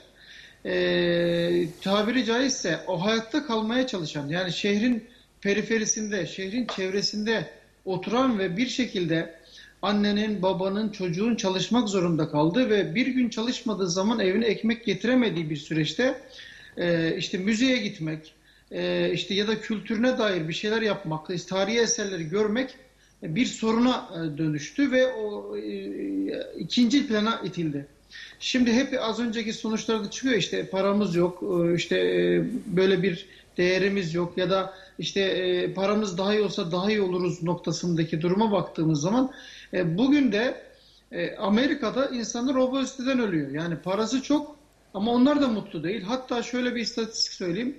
Hindistan'da yani 1 milyardan fazla nüfusu olan Hindistan'da sağlığa harcanan para 20 milyar dolarken 300 milyonluk Amerika'da 450 milyar dolar sağlık için harcama yapılıyor. Ya da teknolojik olarak gelişmiş e, Güney Kore dünyada en çok intihar vakası olan ikinci ülkeyken değil mi? E, Afrika'daki intihar oranları çok daha düşük. Onlar hayatı daha çok seviyorlar. Hayata tutunmaya daha çok tutunmaya çalışıyorlar. Hatta e, bir fotoğraf var. Ben de çok seviyorum. Tam böyle duvara asmalık bir fotoğraf. E, çıplak teninin üzerine Afrika'da futbol oynayan çocuk arkadaşına Ronaldo yazdırmış teninin üzerine. Yani tişörtü yok, e, forması yok ama Ronaldo yazdırmış ve maç oynuyor. İşte e, teknolojinin ya da bu e, ilerlemenin ya da son yıllardaki o bilimsel ilerlemenin bize vaat ettiği şey daha çok mutluluk, daha çok huzur değil aslında. E, huzurlu olduğunu gösterme ve bunu pazarlama. Göstergeler toplumu diyoruz ya, yani e, McLuhan'ın dediği işte göstergeler toplumu. Herkes bir şey göstermek zorunda. Ben daha mutluyum, daha zenginim. E, şimdi ben Instagram'da bir, e, geçen seneydi galiba, konferans için gittiğim e, şehrin bir e, uçaktan indiğimde fotoğraf yayınladım. E, bana birisi e, yani e, çok e, isim vermeye gerek yok ama hani önemli de bir birisi bir mesaj attı. Sayit hocam sen bunu yayınladığına emin misin dedi. Evet dedim ama yayınladığın uçak dedi kalite olarak iyi bir uçak değil dedi. E, Vallahi dedim ben hani e, karşı taraf alıyor uçağı ve ben bunu çok önemsemiyorum dedim. Yani hangi tür uçak oldu. Ben bu şehre geldim konferansımı vereceğim geri döneceğim. Çok şaşırmıştım o zaman. Yani e, insanlar hakikaten giydiğiniz marka çünkü kimlik arayışı devam ediyor. Dijital bizi geçmiş her şeyi unutturdu ve bu kimlikte e, giydiğin marka, bindiğin uçak, e, işte kullandığın eşyalar, e, teknolojik aletinin mesela işte kullandığın akıllı telefonun markası senin kimliğini oluşturuyor. Oysa eskiden işte o mahalle kültüründe değil mi beyefendi olmak, işte hanımefendi olmak, kültür kodlarına sahip olmak, işte e, saygılı olmak, sevecen olmak değil mi? Başarılı olmak. İşte e, hayata karşı gerçekten e, bir şekilde hayatı öğreniyor olmak. E, hayat tecrübesi çok daha kıymetliydi. Şimdi Hocam burada şunu soracağım. Peki tamam kabul ettik olayı öylece kabul ettik diyelim ve diyelim ki işte ayakkabının en iyisini almak için uğraşayım. Ya da kıyafetin işte paylaştığımda dikkat çekenini almak için uğraşayım. Ya da yemek dediğimiz hadisede en güzelini yapmak için uğraşayım. Bunda ne beis var? Ya bunun Şimdi sakıncalı şöyle- tarafı nedir?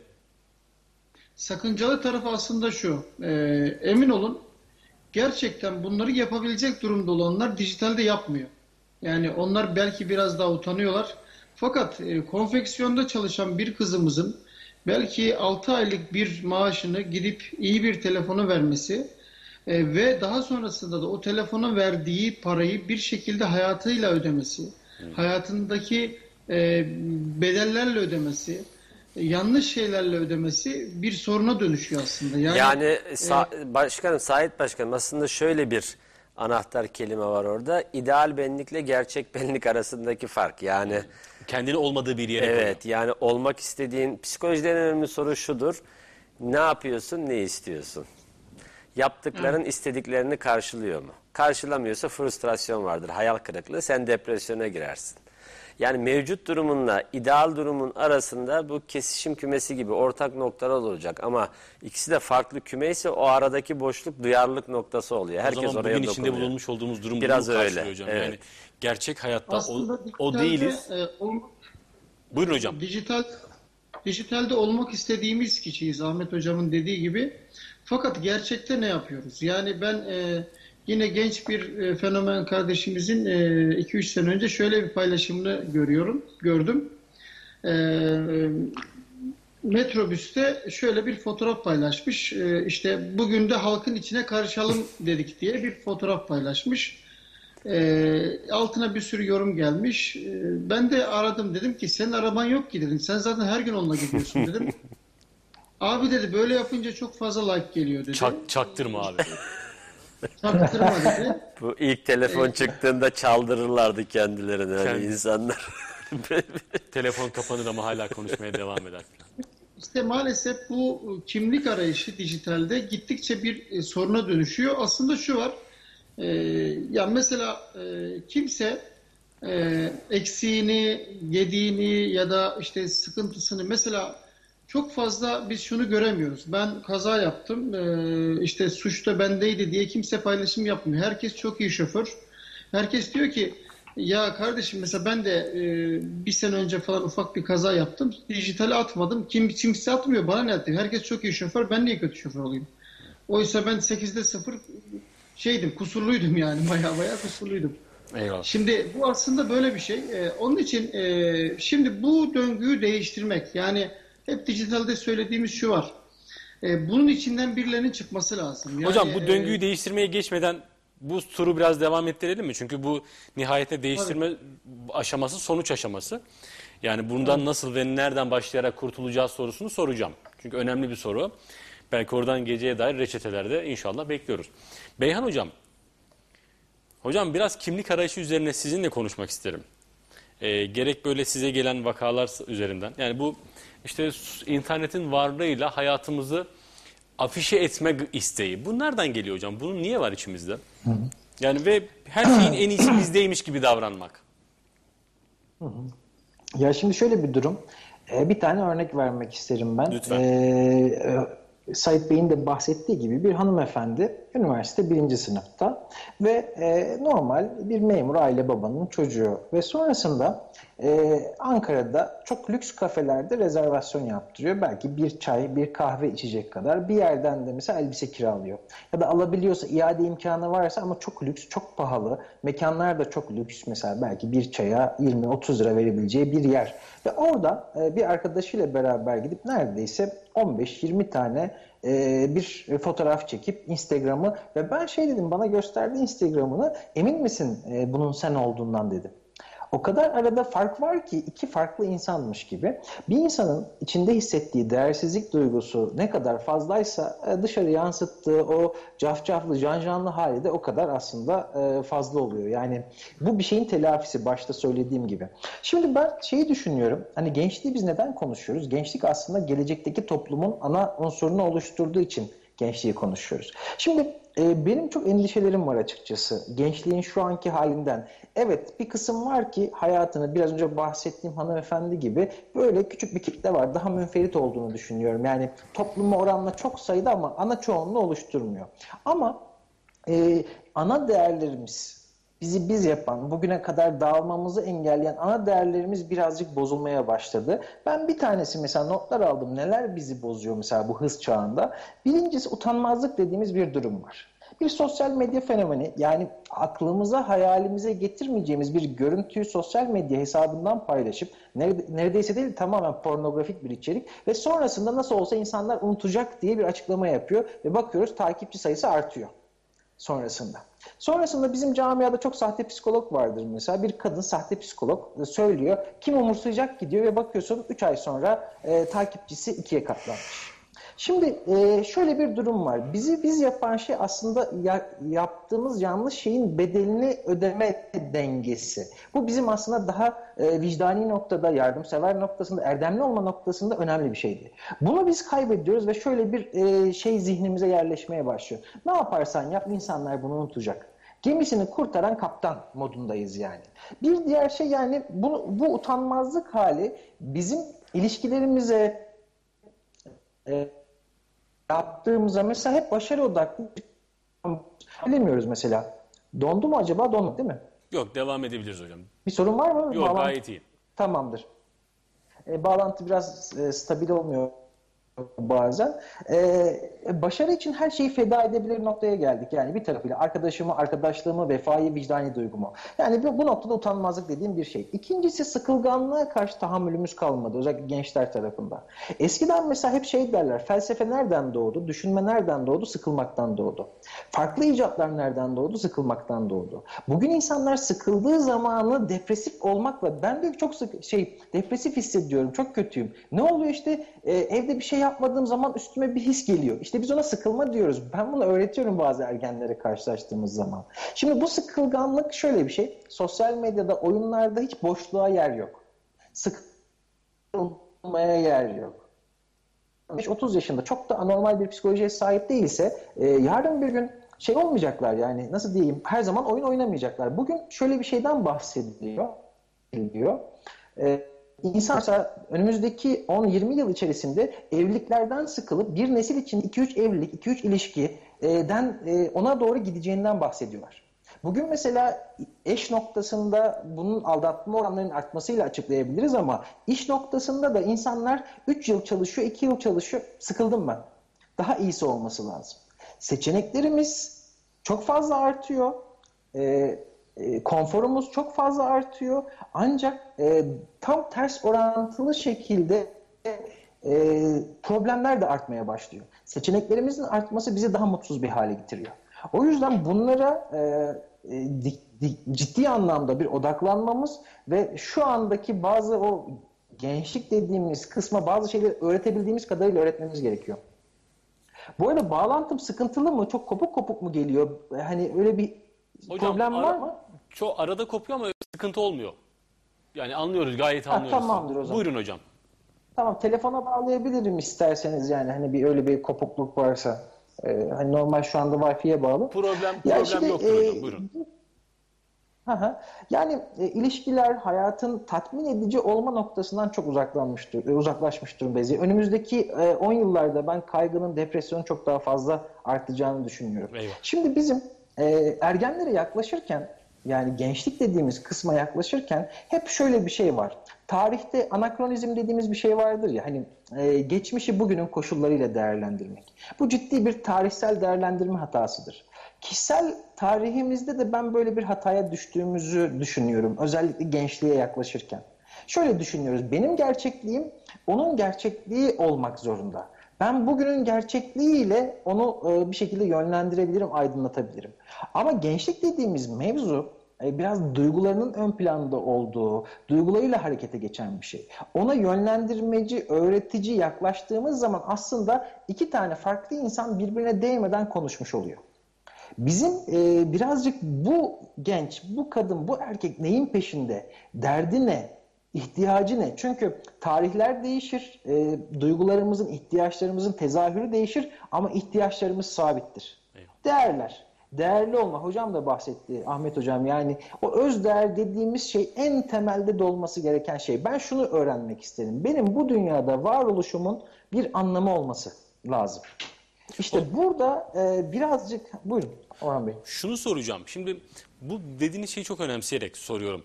Tamam geçmişi bugüne moda mod yapıştırmayalım ve orada hani bir kopyala yapıştır olmasın. Gençlere de haksızlık etmeyelim. Ama şu bakış açısını yakalamak istiyorum ve buradan artık nasıl bir e, fotoğrafı nasıl yorumlamalıyız sizden istifade etmek istiyorum. Tam buyurduğunuz şekilde gençler bugünün gençleri ya da bugünün insanı sıkılmaya tahammül edemiyor. Ve sıkılmaması için de zaten hemen elinin altında dünyayı eline avucunun içine getiren bir telefonu var. Peki bunu nasıl kurtaracağız hocam? Yani tamam geçmişi alıp da bugüne getirmeyelim ama geçmişte sıkılmalar vardı ve buradan icatlar çıktı. Buradan işte başka başka insanın e, içe iç dünyasında kapılar aralandı ve insan kendini keşfedebildiği kadar keşfetti. Ama bugün sıkıldığımız anda bir uyaranımız var ve çok ciddi bir uyaran. Bu durumla nasıl baş edebileceğiz? E Şimdi burada e, toplumun aslında iki cephesi var. Bir büyük e, toplum var, bir küçük toplumdan bahsedebiliriz. Şimdi böyle bir e, gence yardımcı olabilmek için en temelde en yakında anne babası var. Ama anne babası da aynı durumdaysa, günü kurtarma peşindeyse akşam ev ortamında annenin elinde anne televizyona bakıyor da telefona bakıyor. Baba elindeki telefonla oyun oynuyor. Genç odasına geçmiş e, takılıyor bilgisayarına bakıyor da telefonunda bir oyun oynuyor. Böyle bir noktada bizim istediğimiz kadar kitaplar yazalım, yaklaşımlar üretelim. Anne baba değişmediği müddetçe ciddi bir e, sıkıntı var. Bir yandan e, bireysel anlamda yetişkin insanlar da e, çocuğa karşı yaklaşımında öğretici ve e, şu anki düşündüğü şekliyle e, düşünüyormuş gibi yaklaşıp öğretici olup o iletişimi kuramıyorsa devletler toplumun üst kademeleri de bunu beceremiyor. Çok öğretici yaklaşıyor. Aslında burada şunu bilmek lazım. Bu gencin ihtiyacına yaklaşıp. Mesela ben YouTube'da videolar yayınlıyorum ve e, geçenlerde bir video yayınlamıştım bu karantinanın ilk günlerinde. Şöyle bir ödev vermiştim oradaki e, izleyen dostlara. Dedim ki bir saat hiçbir şey yapmadan e, oturun evde. Tavana bakın, duvara bakın. E, öyle oturun, sıkılın. Evet. Bir videonun içinde kendini geliştirme önerileri noktasında ve bana e, sonrasında ya bine yakın neredeyse mesaj geldi. Bunu denedik diye ve enteresan fikirler, hayaller, bir sürü şey geldiğini söyleyen insanlar oldu. Şimdi ben annesi değilim, ben babası değilim ama dışarıdan böyle bir şey söylediğim zaman aslında yeninin yöntemiyle eskiyi hatırlattığımız zaman yani onun anlayabileceği kanala girdiğim zaman temas edebiliyorum. Şimdi anne babalar o diyor ki çocuk telefonda vakit geçiriyor. Çocuk şöyle yapıyor. Evde odasından çıkmıyor. Şimdi neden öyle yapıyor? Orada ne oluyor? Anne baba bilmiyor mesela. Bir gün mesela bir e, gençliği değerlendirirken onun e, o anki bedensel ve zihinsel yapısını da anlamak lazım. Birisi geldi bir kız çocuğu 15 yaşında lise 1'di herhalde yanlış hatırlamıyorsam hüngür hüngür ağlıyor. Dedim Ayşe diyelim ismini. Ayşe e, nedir olay niye ağlıyorsun dedi. Beyhan abi dedi ergenler hep terapi sürecinde abi derler bana. E, Beyhan abi ben bir arkadaşım dedi ki ben okulda popi değilmişim. E, ben de anlamadım popi olmak nedir dedim. İşte popüler olmak. Amerikan filmlerinde vardır ya böyle ne der amigo kızlar falan vardır. Hakikaten bu değişti. Bu 5-6 sene öncesinin olayı yani. Yeni nesil birazcık daha Instagram'da belki ya da Face'te daha fazla takipçisi olanlar popi oluyor. Mesela birisi şey demişti. İşte şu kadar takipçim yoksa, Facebook'ta şu kadar arkadaşım yoksa okulda popi olmam. İşte şurada kahve içmiyorsam popi olmam. Şimdi bu ihtiyacı da anlayıp eğer bunlar çok büyük şeyler değilse e, yargılayıcı yaklaştığımız zaman yaklaşırsak eğer çocuk kendini kapatıyor. Yani birazcık tamam bunları sen yap yine yap. Senin bunlara da ihtiyacın var. Kendini bu şekilde de e, ifade edeceksin. Ama bak şunu da deneyelim.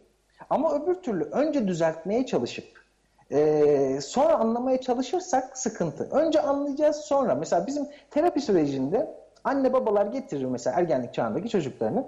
Hocam sanki ellerinde vardır ya çizgi filmlerde böyle bir e, rulo açılır aşağı doğru sarkar. Öyle bir listeyle gelirler. Hocam şu düzeltilecek, bu düzeltilecek, bu düzeltilecek. Ya şey sanki getirdikleri bir oyun hamuru. Ee, ben mesela 2, 3, 4 seans belki sadece onunla ilişki kurmaya çalışırım. Senin derdin ne? Senin ihtiyacın ne? Hani şunu yapman lazım. Hayır sadece ilişki kurmaya. Biz öğretmeye çalışırken, düzeltmeye çalışırken ilişki kurmayı unutuyoruz.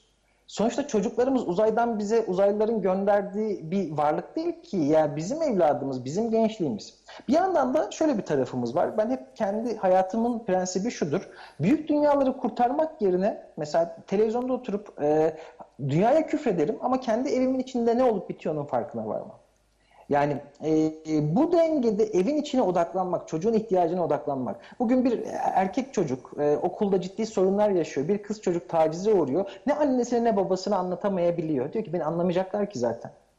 Anladığı zaman, ortada bir ilişki olduğu zaman bence ona yönlendirebilmek, bir şekilde e, bazı şeyleri entegre edebilmek, anlam, acıya tahammül, sabır, Ya bir yandan da şu var yani biz ideal olandan bahsediyoruz da anne babaların ne kadarı böyle? Bazen ümitsizliğe de kapılıyorum açıkçası. Çünkü hakikaten e, çok e, yüzeysel anne babalar da çok az, az değil yani. Eyvallah. Hocam teşekkür ediyorum. Aslında işte buradan da çıkıyor böyle. Yani ebeveynlerle gençler arasında ciddi bir irtibat, irtibat kopukluğu yaşıyoruz ve e, bir dayatma da söz konusu gibi çıkıyor o zaman. Yani bizim zamanımız, bizim zamanımız, bizim zamanımızda böyleydi. Oysa bugün daha farklı ve söylem geliştirmemiz lazım. Ahmet Hocam, gençleri anlamıyor muyuz hocam? Ee, İbn Haldun'un güzel bir lafı var. Çocuklarınızı terbiye etmeyin, kendinizi terbiye edin Güzel. der. Ee, yine psikolojide bir ilkedir. Çocuklar parmaklarınızı, işaret parmaklarınızı değil, ayak izlerinizi takip eder. Ee, bu iki noktadan baktığımızda aslında biz kendini aldatmanın dayanılmaz hafifliğine bel bağlıyoruz. Yani bizim çocuğumuzda kusur yoktur, bizim çocuğumuzda hata yoktur. Bizde Haşa yani kötü ebeveyn olmayız. Biz her şeyin en iyisini yapmışızdır. Bütün bunlarla birlikte çocukları anlama noktasında onların e, duygusal banka hesaplarını pek fazla dolduramıyoruz. Belki fiziksel banka hesaplarını dolduruyoruz. Türk ailesinin e, önemli sorunlarından birisi budur. Arsa alır, ev yapar, daha evlenmeden evini döşer, çeyizini şey yapar falan ama Hocam duygusal... bana duygusal bankasını doldurmanın bir metodolojisini söyler misiniz? Yani Bir böyle yukarıdan aşağı. E, Şöyle o zaman oraya kadar e, o ergenliğe kadar e, tanımını yapalım. Yani ilk iki yılda çocuğun en önemli ihtiyacı güven. Bu güveni alabileceği en önemli obje anne. Çocuk güveni nasıl aldı annesine? Güveni çocuk annesinin gözünden alır. Annesinin onu emzirirken fiziksel besinin yanında verdiği duygusal besin. Çok ilginç araştırmalar var. Orada Bowlby'den söz ettiniz e, Beyan Hoca'nın kitabında. Evet. Bowlby bu konularda çok iyi çalışmalar yapmış. E, şunu bulmuş. Maymunlar üzerinde deneyler yapıyorlar. An, an- gerçek annesiyle büyüyen maymun yavrusuyla bebek maymunla yapay maymun anneyle büyüyen arasında ciddi farklar var. Gerçek anneyle büyüyen hopluyor, zıplıyor, daldan dala atlıyor. Öteki de bu İbrahim Tatlıses'in ben insan değil miyim diye bir türküsü vardı ya o da ben maymun değil miyim? Ben de mutlu olmak istemez miydim şu yalan dünyada diye e, arabesk dinliyor. 0-2 yaş arasında 0-2 yaş o kadar telafisi muhtemelen onlardan söz etti hoca kitapta. Ee, yani o yaşı sen 15 yaşındaki bir çocuğa güven eğitim verirsen patavatsız olur. Onu alacağı yaş aralığı 0-2 yaştır. Onu da annenin o besin verirken, onu beslerken, ona bakım verirken, özen gösterirken bazı hocalarımız çocuğun poposuna annesinden başkası dokunmasın derler. Orada da bir bilinç var. Kuyruk sokumunda da bir bilinç var ve yani şu aslında bir bakıma her çocuğun annesi çocuk için yaratılmış. Kare kod gibi. Yani onun hem fiziksel hem duygusal hem sosyal bütün ihtiyaçlarını karşılıyor dozunda ve düzeyinde. Ne bir eksik ne bir fazla. anladım. 0-2'yi geçtik. 0-2'yi geçtikten sonra 2-5'e geliyoruz. Ee, orada iki özellik var. Girişimcilik ve özerklik. Şimdi burada biz çok ciddi hatalar yapıyoruz. Çocuk saçmalıyor o çağda. Çünkü saçmalamak zaten icadın başlangıcı. Hani bir şeyde e, bir ara şeylerde vardı reklamlarda. Uçak yapıldığında bunlar hoş e, şeyler kuşlar ama bunlara kim biner? Televizyon yapıldığında kim her akşam bir kare kut- e, siyah bir kutunun karşısında oturur falan diye. Şimdi o çağda çocuk gerçekten saçmalıyor, üretiyor, ilginç şeyler soruyor, e, komik şeyler soruyor. Anne babanın ben bazen evlere giriyorum. Evler garnizon komutanlığı gibi. Her şey yerli yerinde. Dört dört. Sıkılıyorum.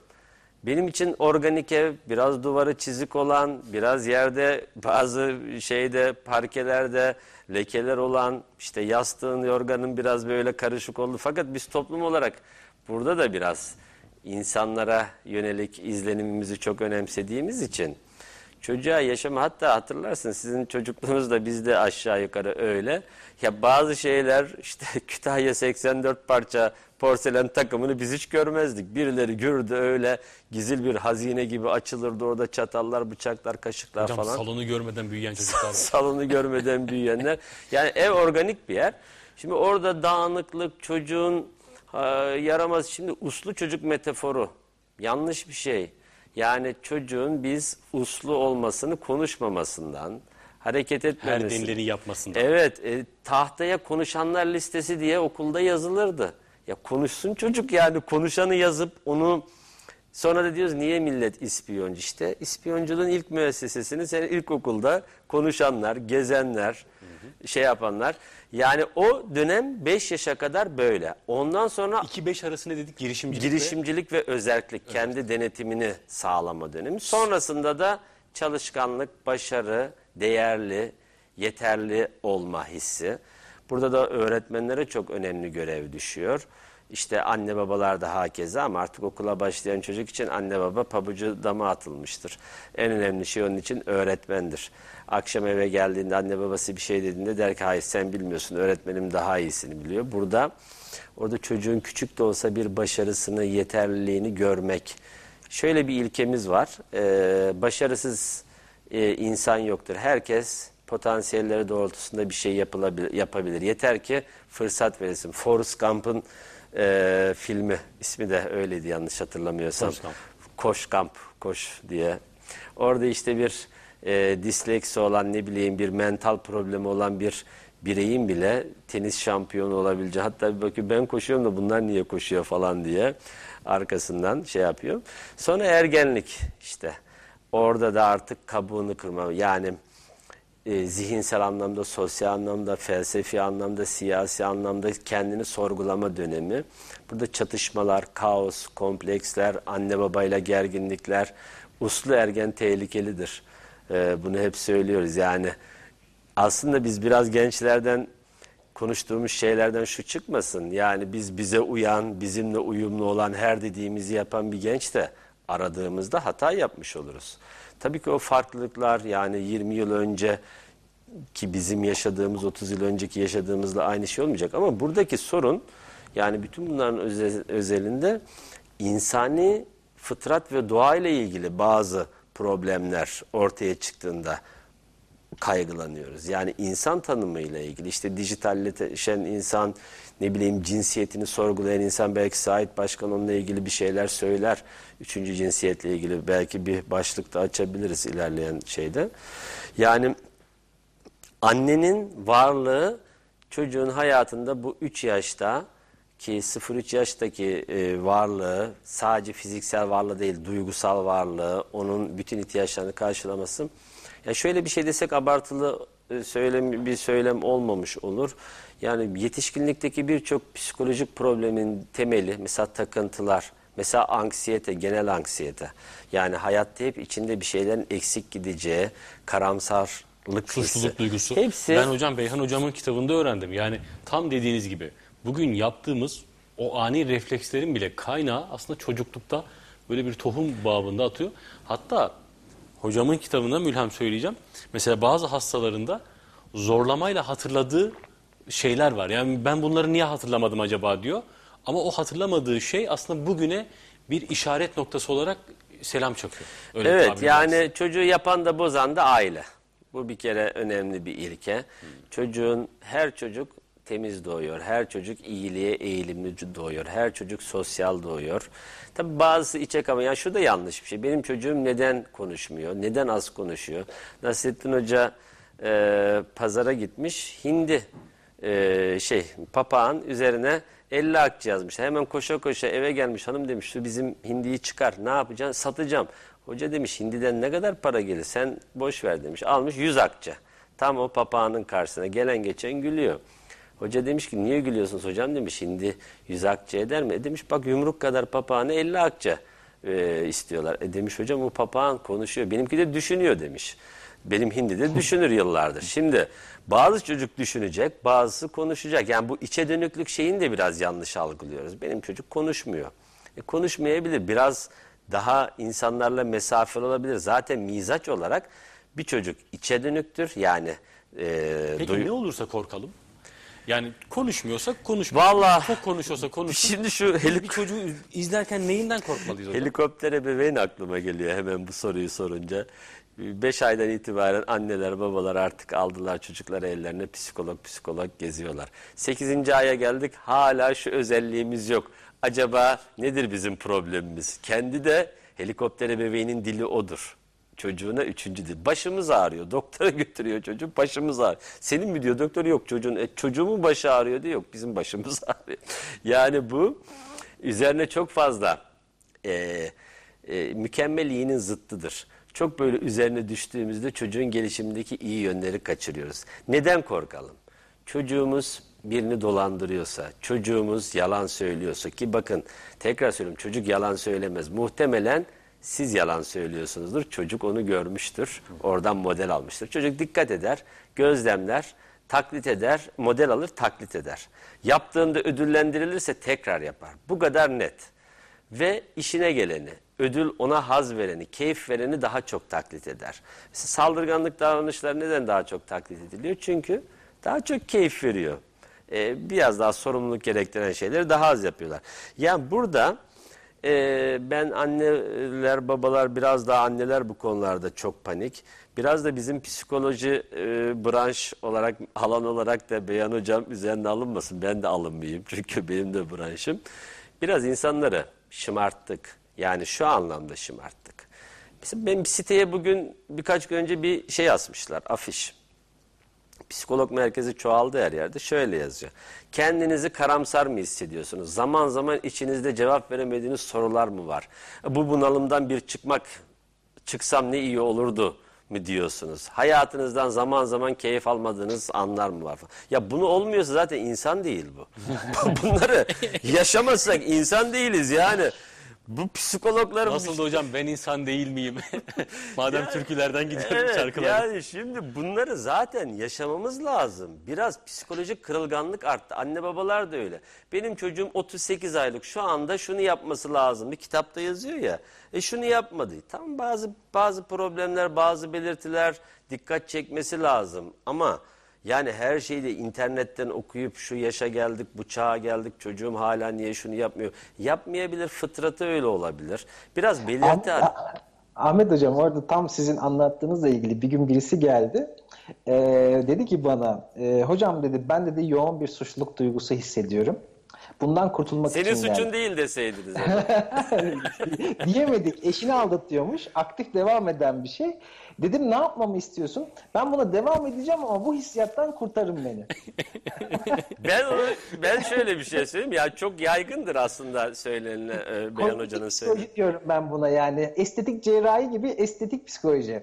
Ya hayatın akışı içerisinde çıkacak mesela ben hep şey derim mesela psikolojik problemleri ayırt etmek için. Ben şimdi mesela sana tokat atıyorum. E, yüzünde bir e, kızarıklık oluştu, acı oluştu. Bu bir psikolojik rahatsızlık, bir hastalık değildir. Durduk yere bu raha- acı çıkıyorsa bir hastalıktır. Şimdi hayat zorlu, üzüleceğiz, e, şey yapacağız. Bir gün e, Orhan Bey şey oturdum evin camında bir şey e, yağmur yağıyor, damlalar aşağı doğru süzülüyor. Ben de story'den paylaştım. İnsan bazen melankolik hissediyor diye. E, yüze yakın mesaj geldi. Hocam biz sizi normal zannediyorduk diye böyle. Yanlış yere mi geliyorsun? Hüznü hani hep depresyon diye her şeye bir e, isim koymaya başladık. Hüzün depresyondur. Hocam İşte- iyi bir psikolog tavsiye edebiliriz. Şimdi o noktayla ilgili şöyle bir tam tersi de var. Eşine diyor sen bir psikoloğa görün. Bir psikoloğa görün. Bir, böyle birisi gitmiş psikoloğa. O da dinlemiş bakmış bir şey yok yani. Bari demiş Freud'un Oedipus kompleksini anlatayım da zamanında olsun seanstan da bir ton para aldık. Boşa gitmesin hakkını ödeyelim. Freud'un Oedipus kompleksini anlatmış. O da annesiyle olan eee, gayri ahlaki şeyi yapısı. Akşam eve gelmiş demiş eşi e, senin problemin neymiş? Bende bir şey yok demiş. Freud'un annesiyle bir problemi var. Psikolog öyle söyledi. Yani bu zorlayarak psikoloğa çocuk götürme, zorlayarak eşini ikna etme falan. Ya biraz insan şöyle bir varlık. Yani acı çeken, olgunlaşan, kendini sorgulayan, kaygı yaşayan, kaygı yaşama, angst dediğimiz şey Kierkegaard'ın sözü. Ya insanın en önemli şeyi bunalan bir varlık. Bunalması gerekiyor. Ama biz tabi akraba tallikat çıktı devreden, sıla rahim çıktı devreden. Ondan sonra heyeti nasuha dediğimiz, mesela karı koca eskiden sorun yaşadı mı? Ara bulucular olurdu, konuşulurdu, edilirdi. Şimdi hemen soluğu e, ofislerde alıyorlar, e, psikolog ofislerinde. Onlar çıktı devreden. Yani giderek gerçekten bu konuda insanoğlu hayatı boyunca yani insanoğlunun e, tarih boyunca hep daha fazla özgürleşti. Ama bunun bedelini yalnızlık da ödedi. Yalnızlığın bedeli de esaretle. E, ben geçenlerde çok e, Türkiye'de tanınan zenginlik anlamda ve statü anlamda bir hanım e, danışan e, evlenmemiş 50'li yaşlarda e, ilk evliliğini yapacak ama sağlıksız bir evlilik. Şöyle diyor bana. Hocam diyor ben paranın dibine vurdum mu denir. Bilmiyorum hiç vurmadığım için. Ondan- Para- parayı tanıyorum Parayı artık. tanıyorum, Tanıyorum artık. yani. Ondan sonra statü olarak işte çok rahat birkaç ülkenin lobisi benim elimde falan. Ama diyor şu anda geldiğim noktada diyor 50'li yaşlardayım. Evliliği de hep kariyerime engel olarak gördüm. Şimdi gençler biraz öyle görüyor. O sıkıntılı bir mevzu. Ee, kariyerizm denen bir problem var.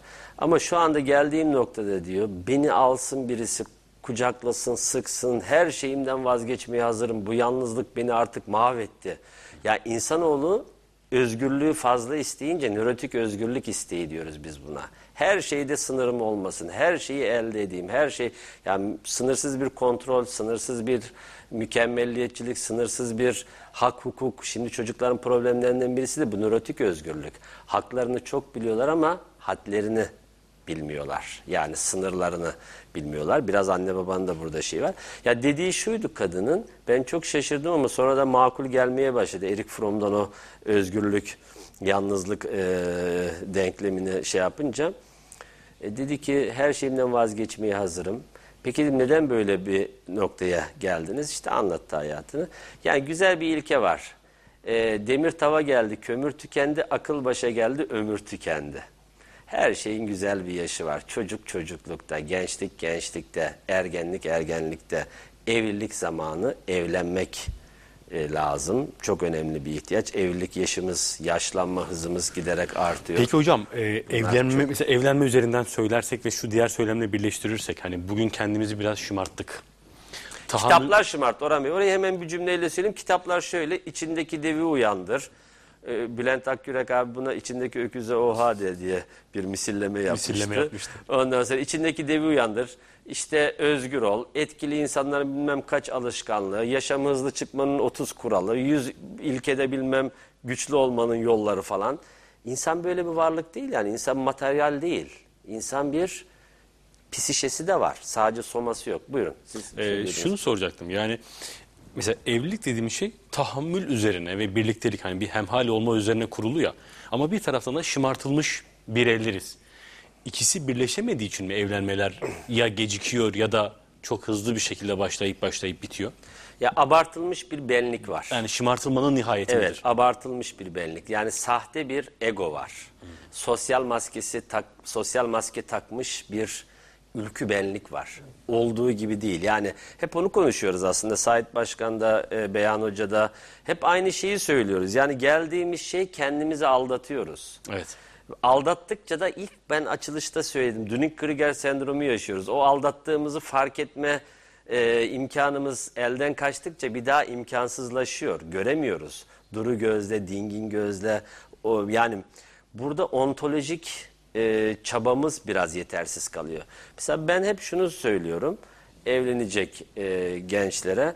E, yani böyle maddi şeyler için evlenilecekse işte evlilik eskiden bir statüydü. Şimdi pek öyle değil. Bir engel gibi görülüyor. Maddi şeyler için evlenilecekse o evlilik sözleşmeyle başlar, mahkemede biter. Yani işte en iyi bir yaşam. Ee, ama bunu bir insanlığa katkı en başta bir e, çocuk sahibi olarak o çocuğu yetiştirmenin verdiği hazzın yanında o çocuğun topluma sunduğu katkıyla kendini var etme. Çünkü 50 yaşlarda insan en önemli ihtiyacı geriye dönüp baktığında ne ürettim, e, ne katkı sundum. Bunun en iyi cevabı da çocuk. Bakın şimdi çocuk sayısı şöyle bir şey söyleniyor. Çocuğun sayısı değil eğitimi önemli. Yani çok çocuğun olmasın ama bir tane olsun eğitimli olsun. Biri birinin zıttı değil ki. Ben bakıyorum 4-5 çocuğu var. Hepsini de çok iyi okutmuş, eğitmiş. Hem ahlak eğitimi, karakter eğitimi hem de işte e, tek şey eğitimi, e, okul eğitimi anlamında. E, bu bu kayboldu. Şu anda ben çok üzülüyorum. Yani e, Fransa'nın 146 yılda yaşadığı, Brezilya'nın 53 yılda yaşadığı yaşlanma hızını biz 23 24 yılda 20 yılda 25 yılda geldiğimiz şey Fransa'nın yani bir stabil bir şekilde biz hızla çocuk sayısı 3.4'ten 2.7'ye düştü toplumumuzda. Bunu bize ama öneriyorlar. Ee, mantalitemizi değiştirerek öneriyorlar işte dizilerle akşam kanallardaki dizilere baktığımızda ya aldatma var ya şiddet var ya evlilik dışı bir ilişki özendiriliyor. Ya insanın yapısıyla oynanıyor dediğim bu. İnsan evlenen, sosyalleşen, e, çoluk çocuk sahibi olan, onlarla kendini iyi hisseden, ya çocuğun tek amacı kendimizi iyi hissetmek cariyedir. Yani biz çocuğumuzun yaptığı bizim öte dünyada amel defterimizin kapanmamasına yol açacak üç şeyden birisi. Bu bakış açıları değişti. Ayaklarının üzerinde durma, daha fazla kendin olma, e, şimdi bu ko- Kariyer dediğiniz şey çok mühimdi. Kariyerizm. kariyerizm e, şeyi e, benim öğrencim var 22-23 yaşından beri master'dan evlendim 36 yaşında hala yaşı gelmedi yani hala kendimi hazır hissetmiyorum bunu biraz öneriyorlar bunu e, algı olarak yüklüyorlar çocuklara ve bir türlü e, fiziki e, eksiklikleri bitmiyor bu işin şu da olsun bu da olsun evler de öyle oldu Şimdi evler eskiden bizim evlerimiz bir misafir odası, bir oturma odası, bir yatak odası. Bir de bazı evlerde çocuk odası olurdu. Şimdi bakıyoruz ama evlerde anne babalara oda yok. Ee, bunun sonucunu söyleyeyim. Ben Avrupa'ya çok sık gidiyorum, çok da gözlemliyorum. Bunu Av- söyleyelim sonra Sait Hocam'a bir şey evet, hocam. Avrupa'da ya geleceğimiz nokta 20 yıl sonraki noktayla ilgili bir Tam oradan da devam olabilir. edeceğim. Evet. Avrupa'da e, insan bakım evleri var.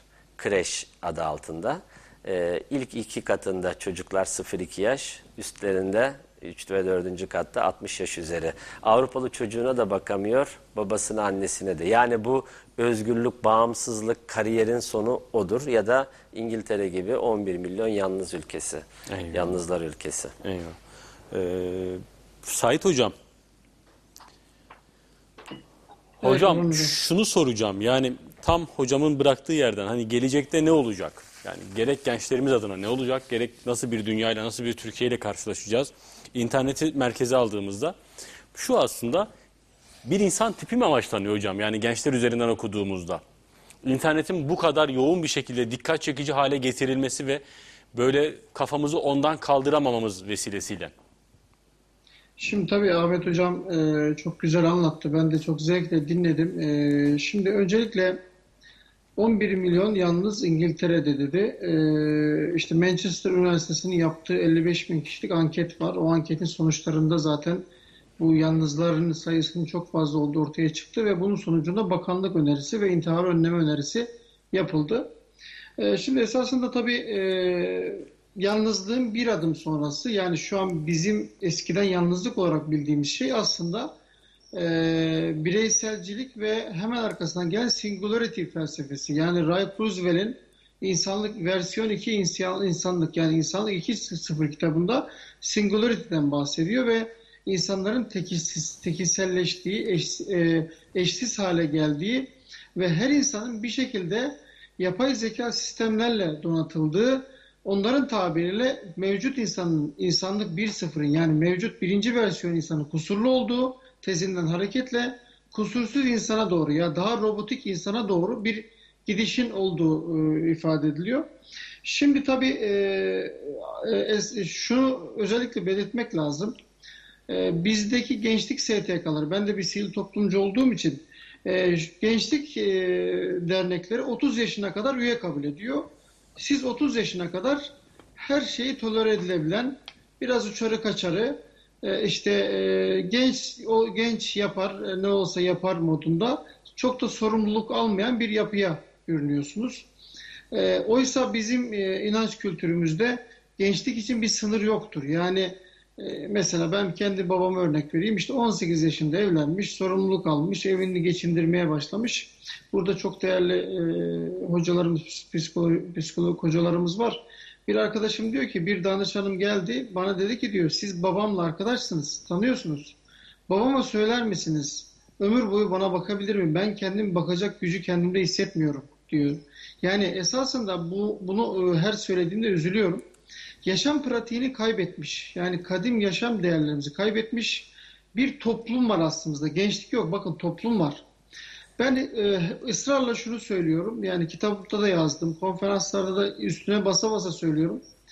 Çocuklar, gençler bağımlı değil. Anne babalar bağımlı. Çünkü biz dijital mülteciler ve dijital göçmenler olarak teknoloji bizim için sonradan bulduğumuz bir nimet. Yani bizler kontürlü konuşurken dahi bir gecede bütün kontürlerimizi bitiren ve iletişim lüks olduğu bir toplumdan geliyoruz.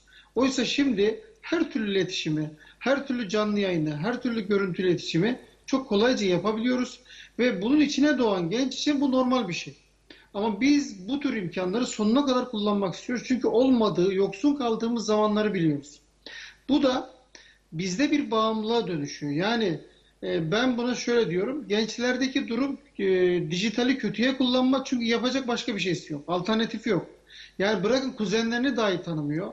Akrabalarını dahi tanımıyor. Hatta Çin'e gidelim. Teyze yok, amca yok değil mi? Alt, alt e, akrabalık yok. Yan akrabalık yok. E, dayı yok, kuzen yok. E, böyle bir yerde ne var? Dijital var ve dijitalde arkadaşlar var. Şimdi bana gelen yorumlarda gençler şunu diyor. Hocam biz işte dinlediğimiz müzik gruplarından sevgiyi öğrendik. İşte hayatı öğrendik. Evet haklı. Çünkü sen daha 10 yaşındasın. Sana o yaşa kadar sevgiyi kimse öğretmemiş. O grup öğretmiş. O gruptaki bir şarkı öğretmiş. Senin bir suçun yok aslında. Ama yani bu çocuklara ben bir isim koydum ve maalesef bunu hep her söylerken yine içim e, eziliyor. Dijital yetimler dedim. Yani bu gençlerimiz dijital yetimler. Ve bu gençler hatta diyorum ki dijital yetimler üstümüze kaldı. Biz onlarla ilgilenmek zorundayız. Ben kimle yazışsam, kimi dinlesem bir süre sonra yol alıyoruz hakikaten. Teşekkür ediyorlar. Hocam diyorlar gerçekten biz bir e, bu anlamda sorgulamaya başladık. Ben şuna inanmıyorum. Yani e, bir babanın günde 5 dakika dahi eskiden anne babalar çocuklarla ruh sohbetleri yaparlarmış. Oturur karşısına sohbet ederlermiş. 5 dakika dahi günümüzde konuştuğuna inanmıyorum. Yani e, geçen bir taksici abimiz şey dedi. Hocam dedi siz galiba sosyal medyayla ilgileniyorsunuz. Ben şöyle tuhaf bir şey yaşadım. Bunu da anlatır mısınız dedi. Tabii zevkle anlatırım dedim. Eve gir, gir, giriyorum hocam dedi. Ee, kızım bana doğru koşuyor dedi. O sahneyi düşünün dedi. Yorgunum eve gelmişim kızımı görmek istiyorum. Kapıyı açtım baba baba diyor koş koşuyor.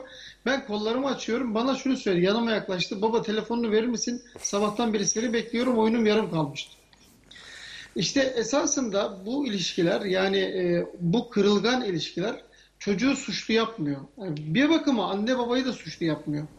E, ben biraz daha üstlenci bir şeyle bakıyorum. Yani e, üst aklı, hani üst akıl lafını çok sevmiyorum ama bu küresel sistem, bu kapitalist sistem, e, rahmetli Cemil Meriç diyor ya izimler idrakımıza giydirilmiş deli gömlekleridir diyor. İşte bu dijitalizm sistemi ya da bu kapitalizm ya da bu globalizm bizi getirdiği noktada herkesi yalnız yapıp ekrandan talimat alacak ve dijitalden talimat alacak hale getiriyor. İşte hocamın dediği e, işte internetten kendine hastalık beğeniyor. Arama motorundan kendine hastalık beğeniyor. Esasında yazılımı artık dijitalden alıyoruz. Yani gidip de bir komşuya sormak yerine mesela yeni anne babalar çok telaşlanıyor hemen hastaneye götürüyor. Ama işte annesini aradığında, anne kendi annesini aradığında yani çocuğun anneannesini aradığında ya bu çok normal bir şey takma kafana birazdan geçer şunu yaparsan geçer diyor. Bir, bir kısmı rahatlıyor ama bir kısmı yine de Google'dan bir şeyler görüyor telaşla götürüyor. İşte taşlar yerinden oynadı. Herkes telaşlanıyor, herkes huzursuz, herkes bir yol arıyor kendisine ve benim e, e, esasında kana, kanaatim şu.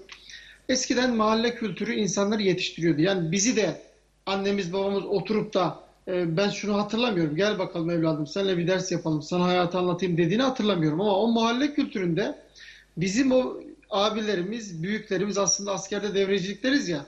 O abilerimiz bize hayatı aslında öğretiyordu ve biz de bizden sonrakiler öğretiyorduk aslında. Bak böyle böyle yapman lazım.